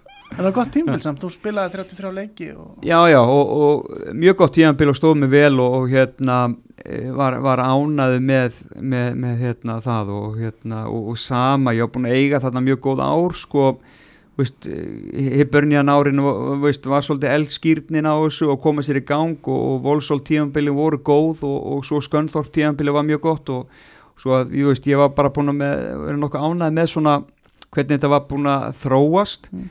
En svona þú veist að ég það vantaði svona aðeins sjá mér svona í mínum huga að svona næsta skrefi, næsta stóra eða svona næsta skrefi upp á við. Og mér fannst það ekkit endilega að vera svona að koma þú veist, mm. maður fann svona aðeins svona orðin fastur hérna svona í þessum nöðritilda bolta. Og, og það, þú veist, hann var á þessum tíma, þetta var svo sem þetta var ekkert há laun sem óst að fá þú bara gæst lifa bara fínu lífi þarna á þeim tímapunkti. En ég var svo alltaf að kannski hugsa aðeins meira heldur svona margir fókbaltum að gera kannski um framtíðin og hvernig ég myndi sjá hana byggjast upp. Svo að hérna ég svona á þessu tíma eftir skönþórp tíanbilið svona ákveði að fara heim og fara að huga svona að námsbókonum og, og svona svona vopna mig fyrir lífið eftir fókbóltan Já, sattu við að rýna aðtunum mannaferðlinu var búin Já, svolítið þannig að ég var sko óbúslega e, gaman að komast inn í hann og kynast honum og ná því svona markmiði að upplifa þetta sem þið er alltaf langað að gera. Mm. En ég sá fyrir mér að ég var ekki að fara hérna, verða ríkur á þessu eða ná svona e, í þessi stóru félög. Mm. svo að það var svona bara tímapunktur akkurat þarna sem ég þurfti að hugsa sko, ætla ég að svona halda þessu bara áfram og, og til þrítugs og, og hafa það bara fínt tanga en vera ekki með neina mentun eða neitt til þess að hlaupa til eftir þá fyrirlin mm.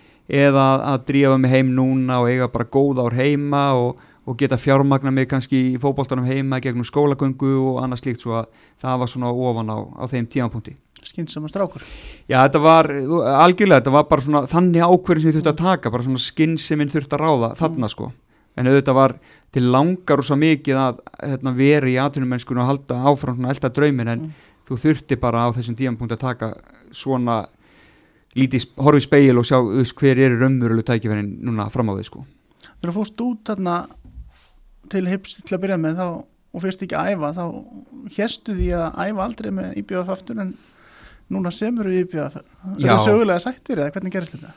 Nei, einmitt, ég, ég var mjög sár út í slítinu IBF þetta var svona, þetta var leðilur endur á þessu. Það var allt búið að vera svo frábært í kringum þetta og svo leðilt að hætta svona og, og þarna hefur verið eitthvað, eitthvað mjög sár út í þá. Mm. en þetta var ekkit flókið, ég ringdi í bara eitt stjórnaformannin, eitt stjórnamannin hérna mm.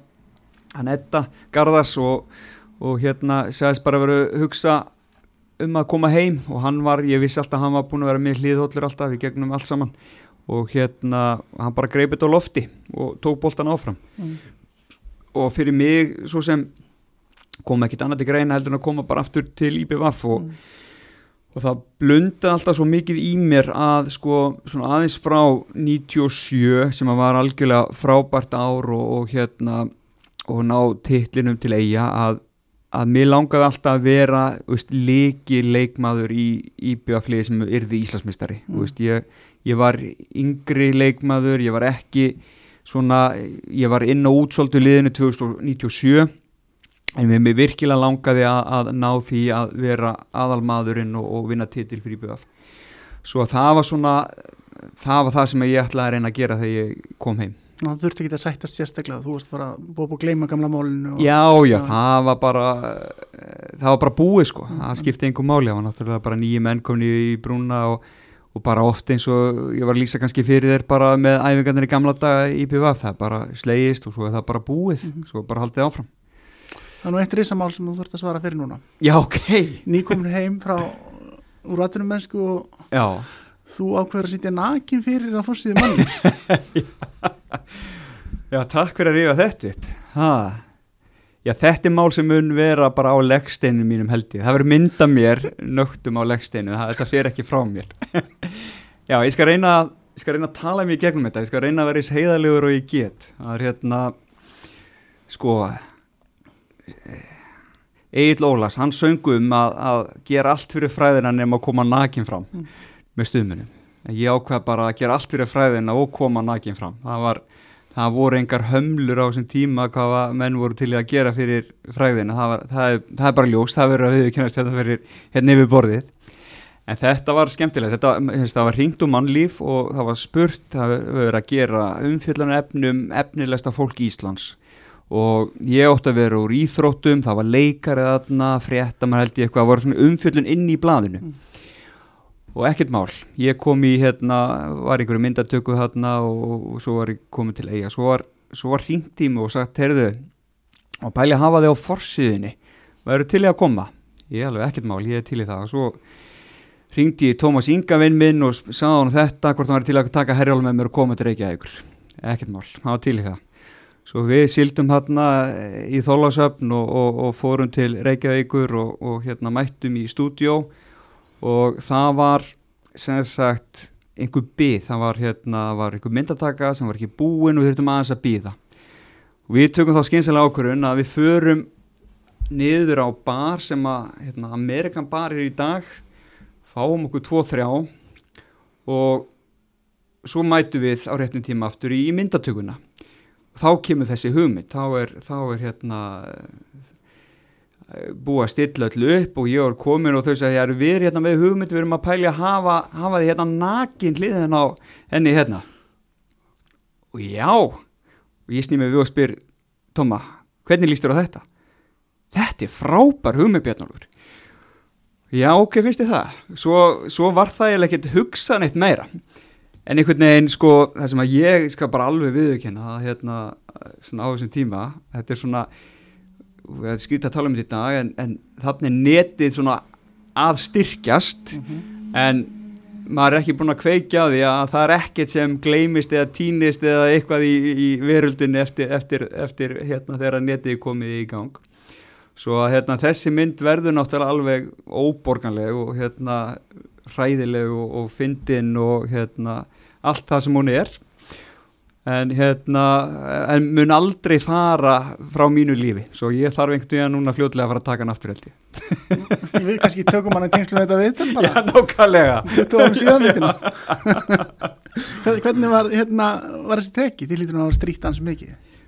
Já, ég, já það, það er alveg rétt sko. Ég hérna mér var alveg sama á þeim tíma sko. Hérna, hérna hérna egoðu var nú það mikið að þetta hreyði ekkert við mér. En ég man eftir sko pabbi var skipstjóru á Herjólfi og hérna ég kem tilbaka einhvern tíman í Herjólf og þar eru menn í brúni að hérna og þá blaði komið út og hafi verið að skoða þetta eitthvað og svona og þá lappar stýrumæður til mín og segir já þú ert ekki líku pappaðinum svo að þú veist svona mikið úr karakter fannst mönnum þetta skiluru að vera að haga þessi svona að hérna í, í litlum bæjus og vestmannegjum sko að ég held að menn hafa hlegin og ansi mikið sko en svo gerðu menn sko það sem að gerðist líka er að hef, þeir prentuðu út sko það eru verið bara tvísasinu þrýrið eitthvað plaggat sem að setja upp í sko ölsöluna í, á þjóðutíðin í Vestmanni mm.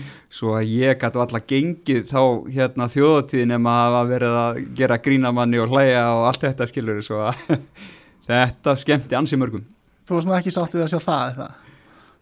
Já, ég, þú veist, ég gatt, ég, jú, þú veist að ég hlóp, veist, þetta var algjört bara, ég held að þetta hefur verið verra fyrir mig núna setni árin, heldur en akkurat á þessum tímabúti sem ég tók þess ákvörðun að þetta var gert, Mm, þú veist, það er hérna, þetta eldist afar illa fyrir mig. mm. Þetta er svona eigamanna húmor að gera grín með eitthvað svona svona Já, já, algjörlega og, og bara, þú veist, eigamenn er ekki, menn, veist, það er ekki filter, menn bara segja það sem er að hugsa og, og gera það sem þeir eru að, að pæla, sko. Mm. Svo að það var bara í eðli eigamannsins að, að, hérna, að, að hérna, gera það. Veistu hver á sökina á að prenta þetta? Já, já, já, já, já ég er, Er það. það Tómas Ingi eða? Nei, það er, það er þríegið og það er Jóhann Ingi sem að var þá frangöndastjóri IBF á þeim tíma. Mm. Já, það er bara þannig að það er ekkit, já, já, það er ekkit margt eð, bara eðlilegt að gera það, sko. mm. Þetta var ás að tímbil hjá okkur þið færðan þetta bara í úrslítalegum íslensmótið Já, þetta var frábær tími og allt sem að ég var búin að sjá fyrir mér og einhvern veginn það, það var að gerast þarna að hérna, þú veist, Birkir ég á einstakt sambandi við Birkir Kristins og, og Tómas Inga þarna við erum með opaslega sterk, sterk svona sterkan hrygg í gegnum liðið sko og, og sko við og skæin við okkur er spáð falli á þessum, hérna, þessu tímabili og það eru bara liðin sem er að berjast um titilin í lokin það var svona bara e, þetta var ótrúlur árangur og hérna og allt sem við ætluðum að gera og höfum fulla trú á þessu sjálfur mm.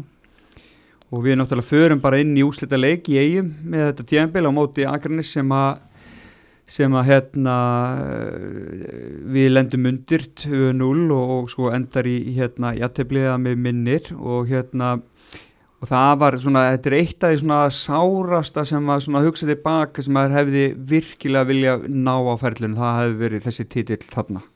Að, að ná að vera líkilmaður í eigalið sem hefði orðið Íslandsmeistari, það var svona, þú veist, það sem mér langaði að gera. Kannski ósangjönd, Tómas Ingi sagði mér að það verið tekið okkur mark Já, algjörlega, það var náttúrulega veist, mjög veist, erfið ákvörðun fyrir okkur svona, þú veist, hérna mót tapast ekki eða vinst ekki á einni ákvörðun en hérna, það var opbóslega sárt að hugsa til þess hvað við vorum svo nálægt þessu og bara þetta eina atvikaði geta orðið að drömnum okkar allara sem við vildum sko, mm. að hérna auðvitað horfum að svolítið beiskur á það en, en ég segi þetta, að, eh, tapast ekki á einu atviki en, en við vorum svo, svo nálægt í að, að, að ná þessu, þessum titli gegn bara öllu því sem að fólk hafði trú að við getum gert sko. Þú talaði um gott samband við Tómas Inga en Mm. mm. það virtist nú ekki vera að maður fylgist með einhverjum á vellin með því letuð eins og hálfvitar og hvern annan eiginlega. Já, nákvæmlega, al- algjörlega. Og, og við vorum það og það, það var í rauninni sko sko þetta er úst, e, bara ég Bjarnólfur sem fótboltamaður og sem svona persóna sem er að tala við núna þe- þetta er ekki sami maðurinn. Og hérna og það sko endur speglast rosalega mikið út á vellinum að hérna e, ekkert tolerans fyrir að menn sé ekki að leggja sér allan fram og, og hérna og svona og það var okkar, okkar samskipt og við vorum bara metnafullir við hérna vildum fylltislausir á vellinum og vildum bara hlutinir, við myndum gera allt til þess að sigra. Og það var og það, þetta sló marga illa bæð og æfingum og ég veit að Njálf sem var að þjálfa okkur hann, hann átti mjög erfitt með þetta á þessum tíma þegar hann þjálfa okkur og, og hérna þetta var svona en við fundum okkur vel þarna í þessu,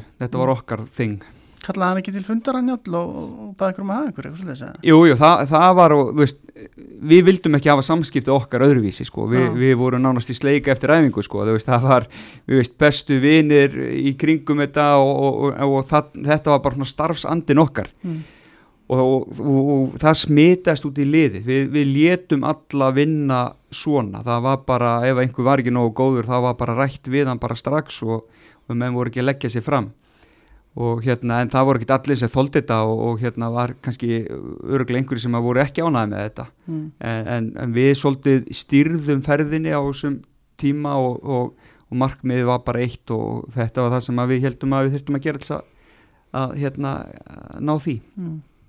Eftir þetta tímbil þá fyrstum nú alveg möguleika að fara til eitthvað Brighton og eitthvað í Belgi og eitthvað svona en ákvæmst að vera bara í skóla Já, ég var komin bara á þennan stað, ég hérna, fór í viðskiptafræðina í HR og, og hérna, ég ætlaði bara að klára það og hérna, og ég var bara komin svolítið þangað Já. að, hérna, að, að, að, að vera í skólunum ná hérna e, ná árangri með, með, e, með IBVF og, og ætla ekki út í aðra atvinnum mennsku sem að veist, ég hefði það gott í dag en ekki í framtíðinni. Svo að hérna, þú veist, var bara þú veist, þetta var bara orðin þessi ákvörðun sko. Mm. svo að ef að hefði ég átt að fara aftur út þá hefði það þurft að vera eitthvað stærra heldur en það sem var að leita mér sko. Mm. Árið eftir þá ertu nú byrjaðar að sækja allir þessi spjöld. Ég, ég síndi það nú hérna fyrir viðtalið. Fullt á það. útpræntuðu blöðum með spjöldánum þínum. 12 gul spjöld árið 2002 hvað var það sem að varstu að fara spjöldin fyrir, varstu grófur leikmaður eða var það gæfturinn eða hvað var það sem að Nei, ég var sko sem yngri leikmaður var ég alltaf með, hérna var þetta meira í kjátturum en þarna á þessu tímabili þarna á þessum tímapunkti í ferlinu þá, þá var þetta bara brot, þetta Mm. voru ekki sko ég held ég aldrei le meitt leikmann. Ég, þú veist, þetta voru bara þegar ég kemur utan úr skoska og nöðrildildinni í Englandi þá er bara, það er annað kraftur það er, það er önnu físík sem er notuð heldur en þegar ég svo lendi á Íslandi og byrja svo bara að spila eins og breskur nöðrildildaleikmaður já, og ég held að það að verður bara svolítið til þess að ég byrja að fá svolítið spjöldin bara fyrir svona svona hörguleik eða þú veist þannig, ég, vil ekki segja að þetta hafi verið held í grófuleikur en hérna hafi meiri verið svona fastar tæklingar sem að, þú veist, kannski menn vildi ekki sjá. mm.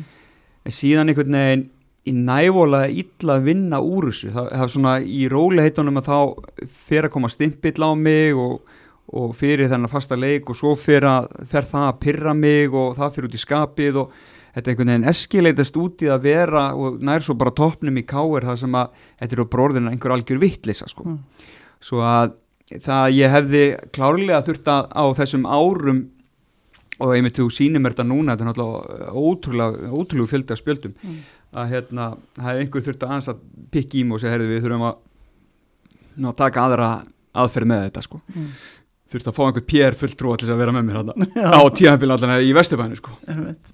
En eh, þetta gekk áfram vel hjá eigum íbjöða að þú 2004 til dæmis þá er þið í lokaðanfrinni sem sem var meistarar Já og þannig erum við bara að gera nánast á handabli við, veist, við erum ekkert með viðst, mannskapur um að þannig þetta var bara við þetta voru svona senior leikmenn góðir sem að höfðu opbáslega metna það voru að koma nokkrir ungir hérna svona ekki margir en, en svona góðir eh, yngri leikmenn, við vorum hefni með breyta sem komu inn svona frá hérna neðri deltaklubum í Englandi. Og bara þetta sko bara menningin í liðinu það var sem að bjóð til, það var bara einhver sigur hefð svona, það var ekki tolerans fyrir neitt annað heldur en að ætla að ná langt. Og það var einhvern veginn bara þeir sem skapaði þetta sem að, sem að var á þessum árum sko.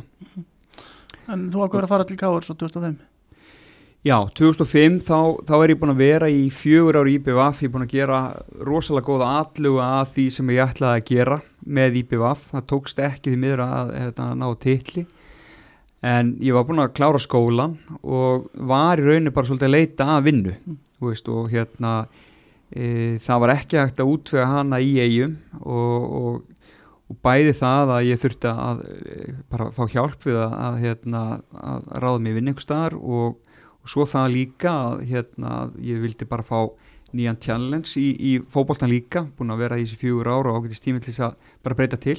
Að það var svona vómest á, á hérna, þá ákvöruna að fara í Vesturbæn Eigamenn eru að því nú oft komin til eiga þeim er ekki lít til Káar, hvernig var því tekið að fórsta neyfir? Nei, heimitt, það er alveg rétt og, og hérna, veist, eigamenn við erum, já, þeir eru bara aldrei upp við að hata káir og svo að ég, veist, ég man alltaf þegar ég kom tilbaka í, að spila með eigamennu sko, að, hérna með káir að fyrsta leikin að móti í PVF Mm.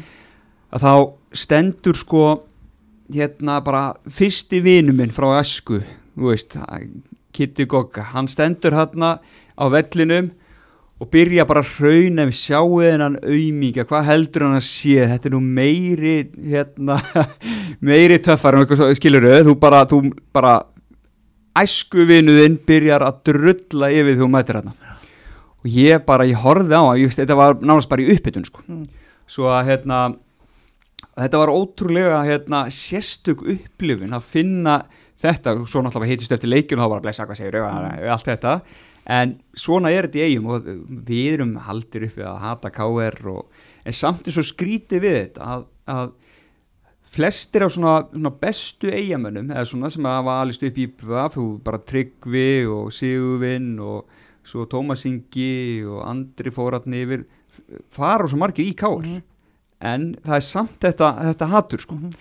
svo hérna en Er mann að augra eða? ég veit ekki hvað það er sko en, en það er, þú veist það, já ég er ekki með svari við því sko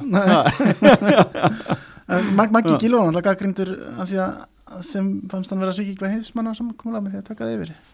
Já, hann, hann, hann tók mér náttúrulega ekki yfir ég var komin í káir áður en hann var ráðinn Það var þannig, já. já, svo að hérna, það var í rauninni full klárað Já, já. Svo að það er ekki rétt og, og hérna, og hann sveik engin samkúmulega um það Nei, þannig að fólk var bara miskilið. Já, já, og það var, það búið að vera sko, það voru, ég held að öll liðin nema fram hafði haft samband við mig þetta árið, þú veist, Mm. það var ég gæti alveg valið um allt sem að ég vildi þarna, Mm. svona eh, væntalega hefði sko réttast ákvörðun, svona fótballtilega síðan á þessum tíma að fara í FH og bara halda áfram að vinna titla með þeim, Mm. Mér fannst mjög augrandi og, og, og skemmtilegt verkefni að fara í Vesturbæin og, og, og svolítið svona hugsa eins og með IPVF að hérna e, að koma þangað og vinna titla með IPVF að Káur var búin að vera í smá e, látið eftir góð ár. Og mér langaði svolítið að koma og, rífa klúpin þarna aftur upp á þessum tíampunkti Mm. og hafði fulla trúiði að, að hérna, ég geti gert það með náttúrulega þeim leikmenni sem voru fyrir og voru að hérna, koma. En það var heljarinu mikið verkefni að vera í skal hérna, viðvíkjuna það en það var skemmtilegu tími. Þú talaður um að mitt að það hafi verið erfiðu tími líka upp á agabrótiðin, eða sérst innanvallar, Já, að þú byrja náttúrulega í fyrstu þremmuleikinu var tvö rauðspjöld, Já. var rautt í fyrir stimpingar í úrstulega lengjubikarsins já, og svo kemur eitthvað aðtöð hvernig að þú sagður hafa slegið í pungin á reynilega já. náðu nú í reynir og láta hann segja söguna þegar ég strauk á hann pungin.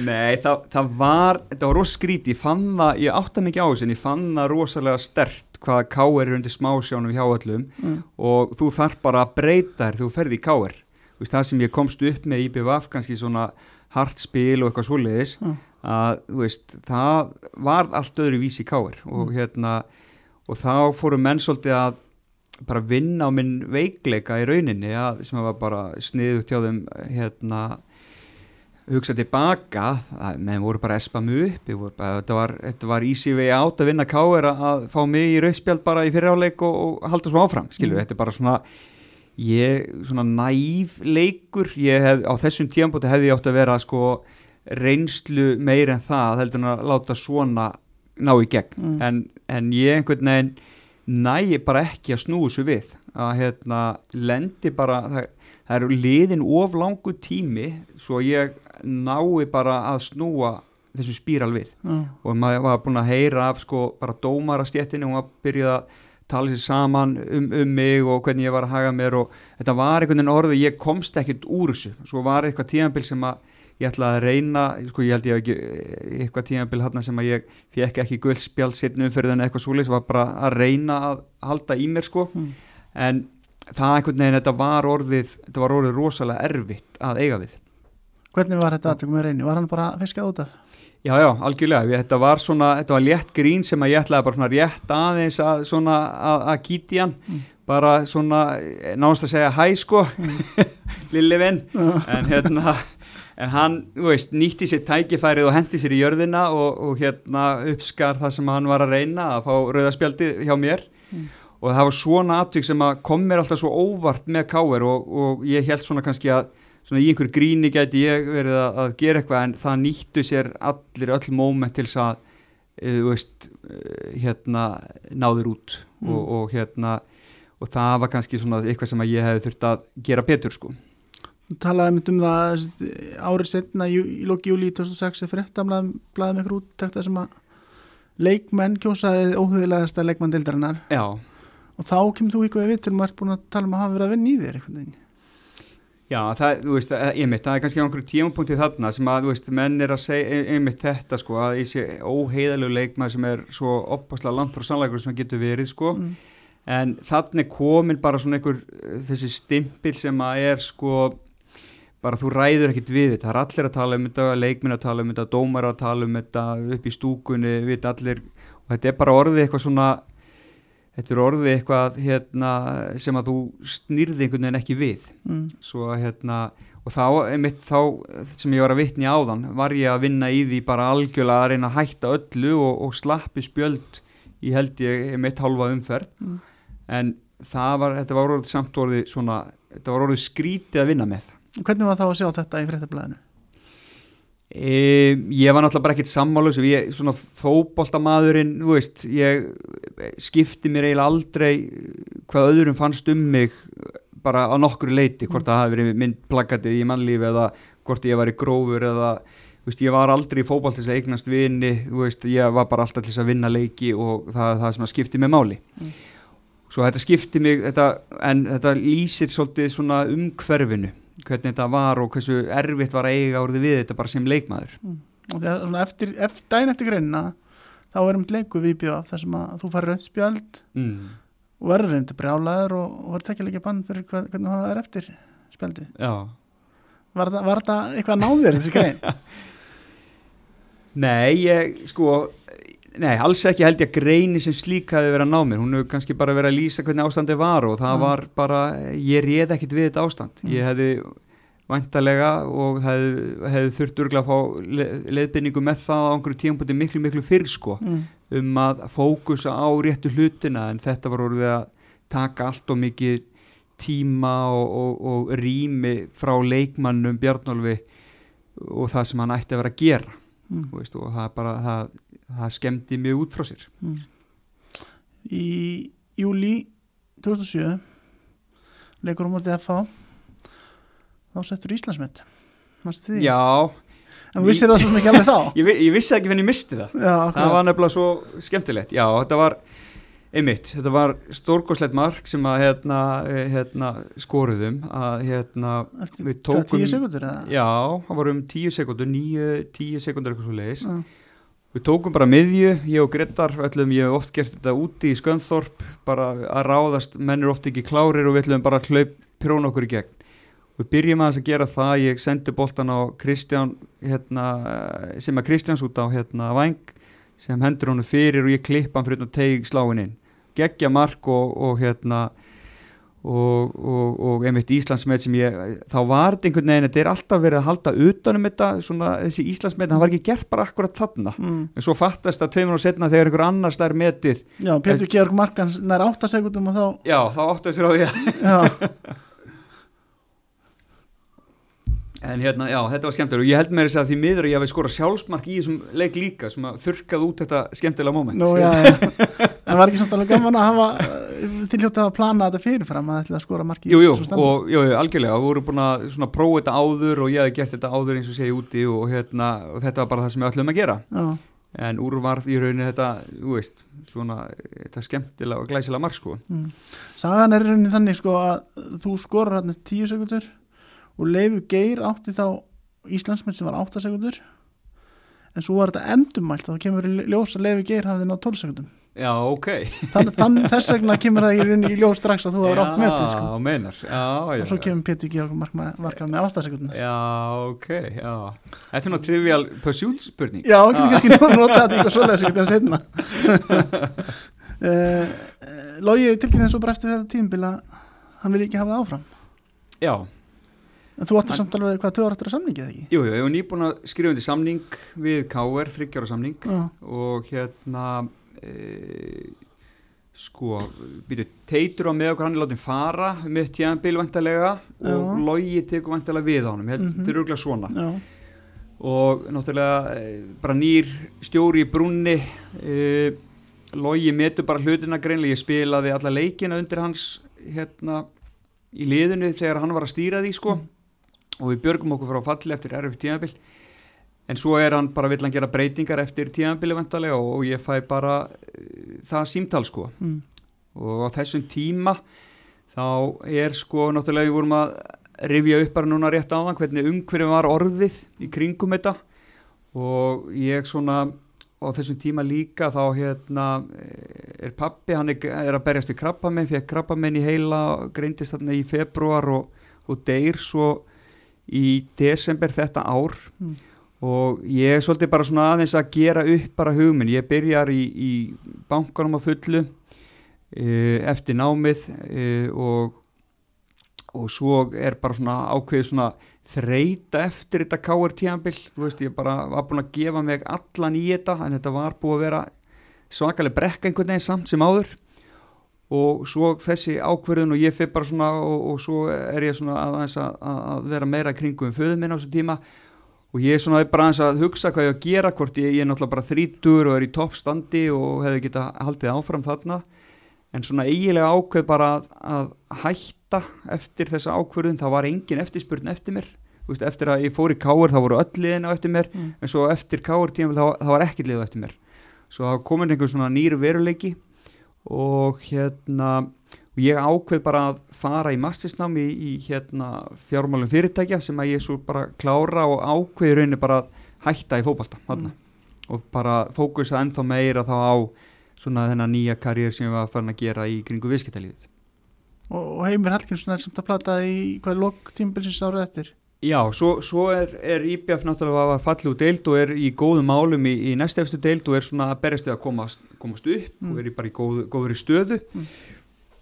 og þeir hafa hérna, sambandi við mig í eigum og um, vilja bara spyrja hvort ég hafa áhuga að koma náttúrulega bara með einhverja reynslu og, og einhverja getu e, ég náttúrulega er svolítið hættur í fótbalta þarna Mm. og, og ætlaði svo sem ekkert að byrja aftur svo ég hérna, þykk þetta og, og tek þátt í þessu að koma IBF upp í efstu þeilt aftur Mm. en er svolítið svona veist, á halvum hrað á halvum hug í kringu það ég er að mæti leikina, er að taka þátt í þeim en er ekki að taka þátt í æfingum eða æfa í kringum þetta í rauninni Já, og langaði ekki að vera áfram eftir það Nei og ég var í rauninni, veist, bara, ég var bara hættur, ég Já. bara, ég vildi, hérna, að því að beðinni kom úr eigum þá bara, það var út af því sem ég sagði já sko, mm.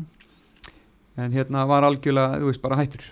og gerist þér en ekkert fyrir nú bara að tegja við öðrum flokki og vikingi hvernig er þetta afrið, 2010 eða? Já, einmitt, svo, svo hérna er ég bara alveg út fyrir fótboltan, ég er í raunin ekki að fylgjast mikið með þessu eða neitt svoleiðis og, og þá hérna uh, fæ ég bóðum að hérna hvort ég hafi áhuga að taka við öðru flokknum og ég hafði alltaf hugað mér að fara í þjálfun á einhverju tíanpunkti í ferlinum Mm. mm. en, og, og tek við þeim og hef mjög gaman að því og var búin að sjá fyrir mér alveg að, að vera svona í yngri flokka starfi, hefði alveg haft gaman að því en var svo sem ekki tilbúin að komitta mig mikið í það sem þarf að gera í kringum svona mistraflokka, bæði tímalega og, og, og annað slíkt. var ekki einhver Svo- svona ótrúlegur viðsnúningur á þessu liði þarna í loka Jú. Já, sko við, jú, ég, við hens, vinnum sagt B-riðil og Mm. fer með lið upp í hérna A-riðil og, og hérna svo erum við í örgulega fyrsta sæti bara í A-riðili þegar að ég svo er beðin um að taka við vikingsliðinu, sem sagt mestraflokksliðinu. já, sem er þá 2011 Já, Andri Martens Rekin þarna með fjögustegi tíleikjum þetta var rosalega erfitt ár hjá vikingi Leifu Garðars hafi verið látið að fara í mass þetta, þú veist þriði þjálfarinn þarna. Já, já, þetta var að hræðilegt, þetta? var hræðilegt, hérna, vikingu var uh, bara komið upp í úrvasteild þetta ár Mm. og hérna, og liðið var búið að vera með tvo þjálfara sem að voru búin að taka að sér náttúrulega bara sikkot hérna mengið að leikmönnum. Svo þegar að við tökum við að þá er hvað 11 umferði búnar og og í raunin hef ég aldrei lappað inn í búnisherbyggja það sem eru 30 kallmenn jafn svona barðir eins og í hérna víkinni þá. Mm. Það var bara náttúrulega erfitt að vera búin að missa tvo þjálfara, gengi að búið að vera erfitt og það var einhvern veginn ekkert sjálfströst í kringum eitt eða neitt þarna. Svo að hérna það var svona okkar megin verkefni að hérna svona að það sem við sáum í þessu var bara að sko að berja trú í menn að koma inn með opbóstlega útblási sjálfströst að, að hérna að svona bara í kringum félagi sem slíkt áhöröndur og allir sem hafa, hafa myndi fá trú aftur á verkefninu sko við þurftum að svolítið að taka á okkur á kassan, svolítið að verja leikmennina og taka á kassan svona leiðilu umfjöllun og allt sem því fylgdi Mm. og kom inn með svolítið svona þykkan agapakka og, og svo leist bara því þetta var búið að vera svolítið, svo, svolítið laust í reybánum orðið þarna fannst mér og, og hérna og svo líka að ég var búin að þjálfa mjög efnilega stráka í vikin sem ég vildi að fengju tækifæri í mestrarflokki og þurfti því að svona minka hópin svolítið til þess að af eldri leikmennin til að koma þessum yngri inn Byrjar það bara hreins út? eða? Já, við byrjum bara svolítið að ég held að við farið bara sex leikmenn bara nána strax frá liðinu og það við byrjum bara að, að, hérna, að, að tína út sko. Mm. það þurfti bara að minka, ég held að verið, bara, við þurftum bara að minka æfingahópi mikið til þess að geta komið inn yngri leikmennum. Mm. Það er á mikið? eða? Nei, það held ég ekki, a- alls ekki, ég, hérna, en í svona verkefni þá gerir ykkur rétt og þú gerir líka fullt á mistökum. Já. og ég veit ekki hvað var rétt gert kannski endilega og hvað var vittlaus skilur þú Já. bara, þú hérna þetta er bara mjög flóki stað að vera í og þarf að koma ábærslega rætt inn í hana og, og, og árangur þarf að gerast uh, eiginlega strax af því að staðan var orðin þannig Mm. svo að hérna e, og líka var svolítið það sem að mín svona framtíð sín fyrir félagið var svo að þó að við myndum, hvernig sem myndum fara að þá hefði framtíðin verið yngri leikmjörnum vikings og ég svona vildi bara hérna að færi bandið frá því yngri flokkastarfi í að búa til öflugt lið er þið rétt samansett og mér fannst það ekki vera á þeim tíma. Þú ert þarna bara stöðut í fjölmjölum að svara fyrir allt sem gekk á hana Já, það var, Það var það var svolítið, já, já, að voru búin að sakna minn eftir káur tíma störglega og jú, jú, við komum svolítið svona brattir inn í þetta, ég skal viðkynna það menn bara mættu í jakkafötunum með bindið og ætluðu bara sína með kassan úti með lélægsta liði í deildinni og það átti bara alltaf að fara flegi ferðu við mættum og, og það var ákveðin svona taktík og við létum bara, þú veist, alla skjóta okkur og bara þóldum þau skot og, en vorum bara, þú veist, bak við tjöldin að reyna að tala upp sjálfströst og það var bara svona það sem við vorum að reyna að gera. Mm. að bara reyna með einhverjum mætti að snúa skipinu við Varstu svona svolítið morinni og reyna að taka aðteglina sjálfa þig bara? Ég, þetta var í rauninni eins og sagði, þú veist, leikminn voru brotnir, ég vildi ekki fá meira á þá uh, ég var búin að setja á í fjölmiðlabann ég vildi enga, bara enga aðtegli á þá Mm. og það mátti bara allt koma okkur og við myndum tækla það ég og Tommi það sem myndi koma Mm. og, og það var bara svona uppsetningin á þessu Já, Tómas Ingi kom hana með þér, var þetta good cop, bad cop eða? Um, við erum náttúrulega bara, sko Tommi hann hérna var búinn að þjálfa háká og, og ég var ekkert búinn að fylgjast rosalega mikið með boltanum á þessu tíma, Já. svo að hann bara þekkti leikmenn, hann þekkti anstæðinga og leikreindi og hann bara hafði full sem að hérna ég hafði ekki Mm. og, og, og kom með inn og svo kom ég með einhver áherslur sem að hérna ég hafði og við höfðum starfað saman áður vel og ég bara trúði að við varum gott heimi og hérna við, við vorum það, þetta gekk bara svona býstna ágætlega, þú veist, þetta var bara erfi staða, þú veist, þetta var bara þungt á leikmunum staðan, leið og við er fjallu, þá bara spilum við leik við breyðablík og, og við, þeir blómstruðu og við rúluðum yfir breyðablík sem var eitt af betri liðunum þá. Þetta var bara einhvern veginn þingslinn í bakpoka leikmanna var og mikið til þess að veist, ná að klára þetta einhvern veginn. Reku tvo leikmenn þarna, Kól Marcial og Eir Allarsson miðan september E, já, sko ég man ekki að þetta raki eigi líka Já, þess að hann hafði ekki mætt í einhvern leik og, og, og það er eitthvað svona tilkynnt að hann sé ekki lengur með liðinu en sé að vinna í félaginu já, já ég man, sko, ég man sko, Colin hann kom frá Ísafyrði eftir agabróð þar var listundar samning, Mm. hann kemur til okkar og er bara leikmaður sem að við þurfum og er rosalega öflugur strákur Mm. en erfiðu leikmaður Já. og hérna það voru bara atvik sem eru til þess að sem að var bara hluti af aga leysinu sem að ég mat að ég tók hann einhvern tímann út af og hann var eitthvað að rífa kjátt og svona eh, yfir bekkin og eitthvað svoleiðis að það var bara þannig hlutir sem að það voru bara ekki bóði mm. og hérna e, ég man nú ekki með Egil hvernig það, hvernig það fór svo sem en hérna hann var búin að vera að glíma við erfi meðisli Mm. á þessum tíma byrjaði tímabili rosalega vel og var að koma inn með erfi meðisli og, og hérna já, var, var ekki alveg inn í kannski myndin akkurat þá þegar hann var að stíga inn en ég man svo sem ekki hvernig það endaði ég verð bara við ekki en það. Ha. skiptur ekki öllum máli hér í dag en, en kom aldrei til greina að þú myndir halda áfram með þetta lið? Þú hættir náttúrulega bara eftir að þið fallið.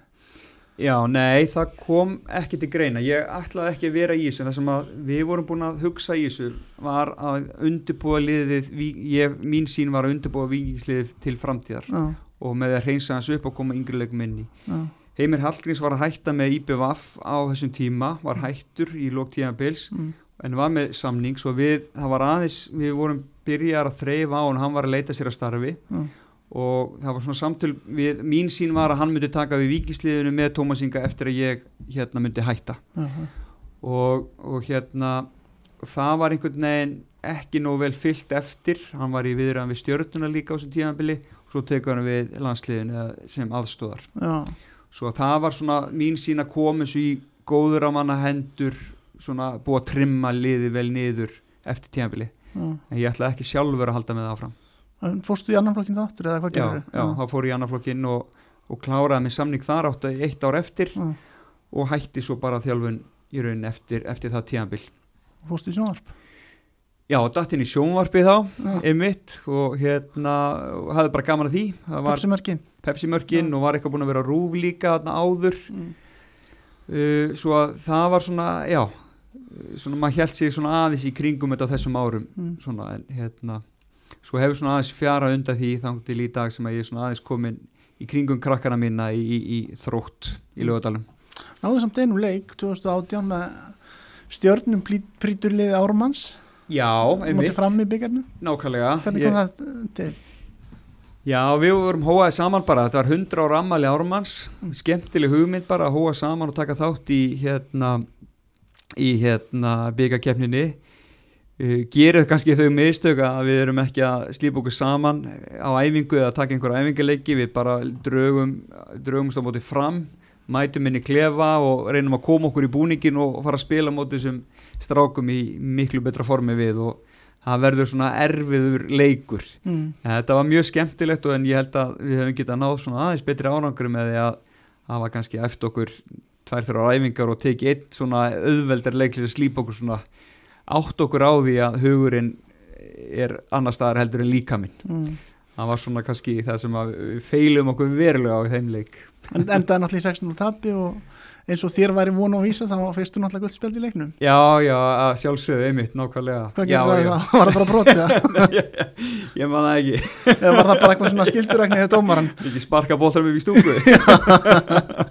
En hvernig var þetta ekki svo bara félagslegt eftir leik og var, var ekki gaman að hitta þessu stráka og spila með þeim? Jú, jú, algjörlega frábært og þetta er náttúrulega sko þekkt erlendis að hérna, menn spili svolítið eftir tíðanbili bara í svona í góðgerastarðsemi Já, og það væri mjög skemmtilegt hérna á Íslandi að gera meira af þessu að hérna því að oft bara þegar menn hætta þá bara einmitt bara eins og ég sjálfur maður bara dettur algjörlega út úr þessu en þessir aðeila geta gefið svo miklu meira af sér bara út, um allt samfélag og fólk hefur gaman að því að sjá þá spila aftur aðeins feitari og, og það er bara, þú veist, það mætti alveg gera meira af því sko já. Þannig þú voru að taka þetta á þig. Ég þarf að gera eitthvað í þessu, ekki spurning. Þú fyrst nú samt, það er eitt leikur í fyrra sem að þú ert mættur í lokaleiki og þrótti sem í þjálfarateiminu með, með Tómas Inga í erinu eða ekki? Jú, það var sem sagt, jú, ég er sem sagt byrjar að hérna vinna með barna og úlingastarfi í þrótt eins og ég var að koma að sína á þann og, og síðan lenda þeir bara svolítið í erfiðu máli við mestrarloknum í fyrra, það er hérna gengur ekki nógu vel og það er úslita leikur um fall bara á síðasta leikdegi. Mm, og félagi einfallega bara leita til mig hvort ég sé til í að stíga inn í þjálfarateimi með þeim stráku sem voru með liðið.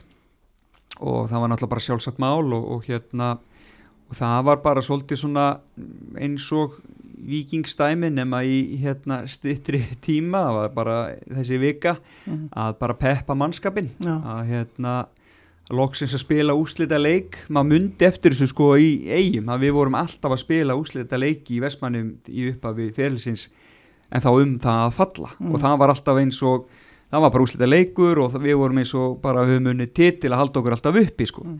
og þetta er svona kannski sem að ég var að reyna að koma inn á með þróttarana strákana að loksins var úslita leikur í, í, í þrótt því að það hefur ekkert lið spila jafn lengi fyrstu deild bara þróttir er alltaf í fyrstu deild Mm. og bara alltaf um miðadeild, það er aldrei neitt að frétta mhm, svo að þetta var svona einsta tækifæri að, að, og það var mjög skemmtilegt í lögadalum þennan dag og, og hérna og einmitt ég fekk Tómas Inga upp í stúku til að leikreina á meðan við vorum að, að- stýra að hliðalínni og það fór vel og við heldum okkur uppi og, og, og sko býðum við bara eftir nýju tíanbílinu núna Vo- Voru, menn, voru þjálfarnir sáttu við að hafa þið með? Já, já, algjörlega, Þa, það var bara hérna, þeir og stjórnin bara, þeir voru bara að leita leiða hvað það Já. getur gert til að, að hérna, og bara sterta þeim að, að, að, hérna, bara viðurkynna það að það sé gott að fá hjálp og, Mm. Og þeir bara sáum æfingarnar og ég reyndi að koma með þau input sem að ég gatt Þetta virkaði. þetta virkaði þarna, Mm. ha, svo það er aldrei að vita nema að maður geti gefið eitthvað af sér. En félagi ákvæðan samt að fara í þjálfaraskipti og, og bauðst þér ekki að taka viðliðinu í, sísta höstu Um, nei, ég held að það er svo sem ekkert endilega verið, veist, hvort að ég hef ekki gefið, hérna, það væri náttúrulega ekki bóða minni hálfu, sko, og hérna, en ég veit ekkert hvort að þeir hafa haft áhuga því eða það fór ekkert í þær, þær viðræður, sko. Langar það ekki til að þjálfa eftir það? Nei, ég, þú veist, ég hef bara ekki, ekki þann tíma og, og það sem þarf að gefa í þetta. Mm. Þú veist, mér, núna er ég svolítið, er ég hérna, sem sagt, uh, bara að gefa mig vel í barn og úlingastarfið, fylgja eftir bönnunum mínum og, og, vil láta gott af mig leiða þar Mm. og ég get gert það og, og, verið í kringum þetta, en það þarf bara svo miklu, miklu meira í dag að vera góður þjálfari og, og, og halda utanum hlutin eins vel og ég myndi vilja gera það, ég hef ekki, ekki, ekki þann tíma. Mm. Í hvað hlutverk ertu þá í þessu barna starfi? Hvað, hvað ertu að gera það? Ég er sagt formaður barn og úlingastarfsins Mm. og, og þá er það sagt þriðji flokkur og niður kalla á Mm. hvenna megin sem að er bara verið að skipulegja starfið Mm. uh, allt frá bara já öllu að hérna, eh, vinna með íþróttastjóra sem er Þórir Hákonar hérna, sem var í KSI og, og svo Dotti leiknismæður og, og, og Nick sem eru yfir þjálfarar Mm. kalla hvenna megin bara frá rútuferðum og þjálfaramál og, og allt það sko Mm. og umhverju er náttúrulega sérstaklega krefindi núna þegar sem öll fyrirtæki fann að draga saman seglinn og, og hérna og, og, og, og lítið um svona fjármagn fyrir íþróttafélagin svo að það þarf að, að er mjög tjálensing umhverju að halda uppi öllu íþróttastarfi sem við viljum náttúrulega á Íslandi Það er búið að vera þá erfiða vikur í, í þessu hlutverki út af heimsfaraldrinum.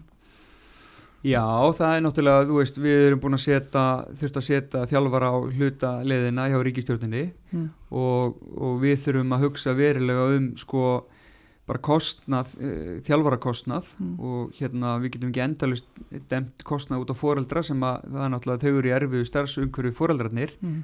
og allur peningur sem kemur inn í kringum æfingugjöld fyrir að borga þjálfara svo að hérna tekjurnar okkar eru æfingugjöld og svo vísmót sem við höldum einu svona ári. Og, og núna erum við að reyna að ætlum að halda vísmóti núna í ára á, á uppsettum tíma sem er í lok mæ Já. vonandi en, en við getum ekki haft þá foreldra á staðnum, við þurfum að minka alla umgjörð í kringum um hérna mótið og þá minka veitingasala og allt hefur þetta svona, svona keðiverkandi áhrif Dómaran ljóta að fagna því að það er ekki, fóreldrar hann. Já, nákvæmlega og ég verið fremstur í flokki núna að dæma og aldrei að stressaður að- að- á fótballtafelli eins og að vera dómari því að maður er búin að haga sér það illa gegnum árin að það mun einhver eftir því þegar maður dæmir illa Mm. en hérna en jú, það er hérna það er, já, ég flestir fóreldrar eru til fyrirmyndar, ég hef veldi verið að vera að segja það Mm. Er ekki mikið tillökun þá í þessum hópi að það má loksins fara að æfa bara fullu fjóra mæ? Jú, opaslega tilhökun og þetta er opaslega mikið rask á rútinu barna að geta ekki verið á, hérna, á æfingum. Eru, Mm. eru að æfa þrísa fjóru sinnum, fimm sinnum í viku og allt í hennu þurfum allir að vera heima með ekki hittast og með ekki fara sparkvelli og þetta verður bara algjörlega opaslega nöðslegt fyrir börnina að ná, ná upp í rútinu. En ég verð að segja að þjálfarar hafa gert rosalega vel í þessu umhverfi og, og nota fjartækni eins og Zoom og Teams og þessi forrið til að halda út í æfingar í gegnum farsíma og annað slíkt sem, að, Ok. já, sem að er ótrúlega vel gert. Takk krakkarnir því vel. Já, þau gera það og eru bara, ég hef verið á sparkvöldin það sem að krakkar eru bara að æfa sig í gegnum síman og eru bara að horfa á yngvar þjálfara í fjörðaflokki í sína einhverja hefingar og eru að gera eins sko. Já. Svo að þetta er ótrúlega skemmtilegt og, og sjá hvað hérna, aðleguna hefni íslenskra þjálfara og, og, og, og íþróttastarfsins er upplutt hérna. Mm. Takk fyrir að setja svona niður með mér þetta. Já, sumulegis, takk fyrir spjalli, takk. Thank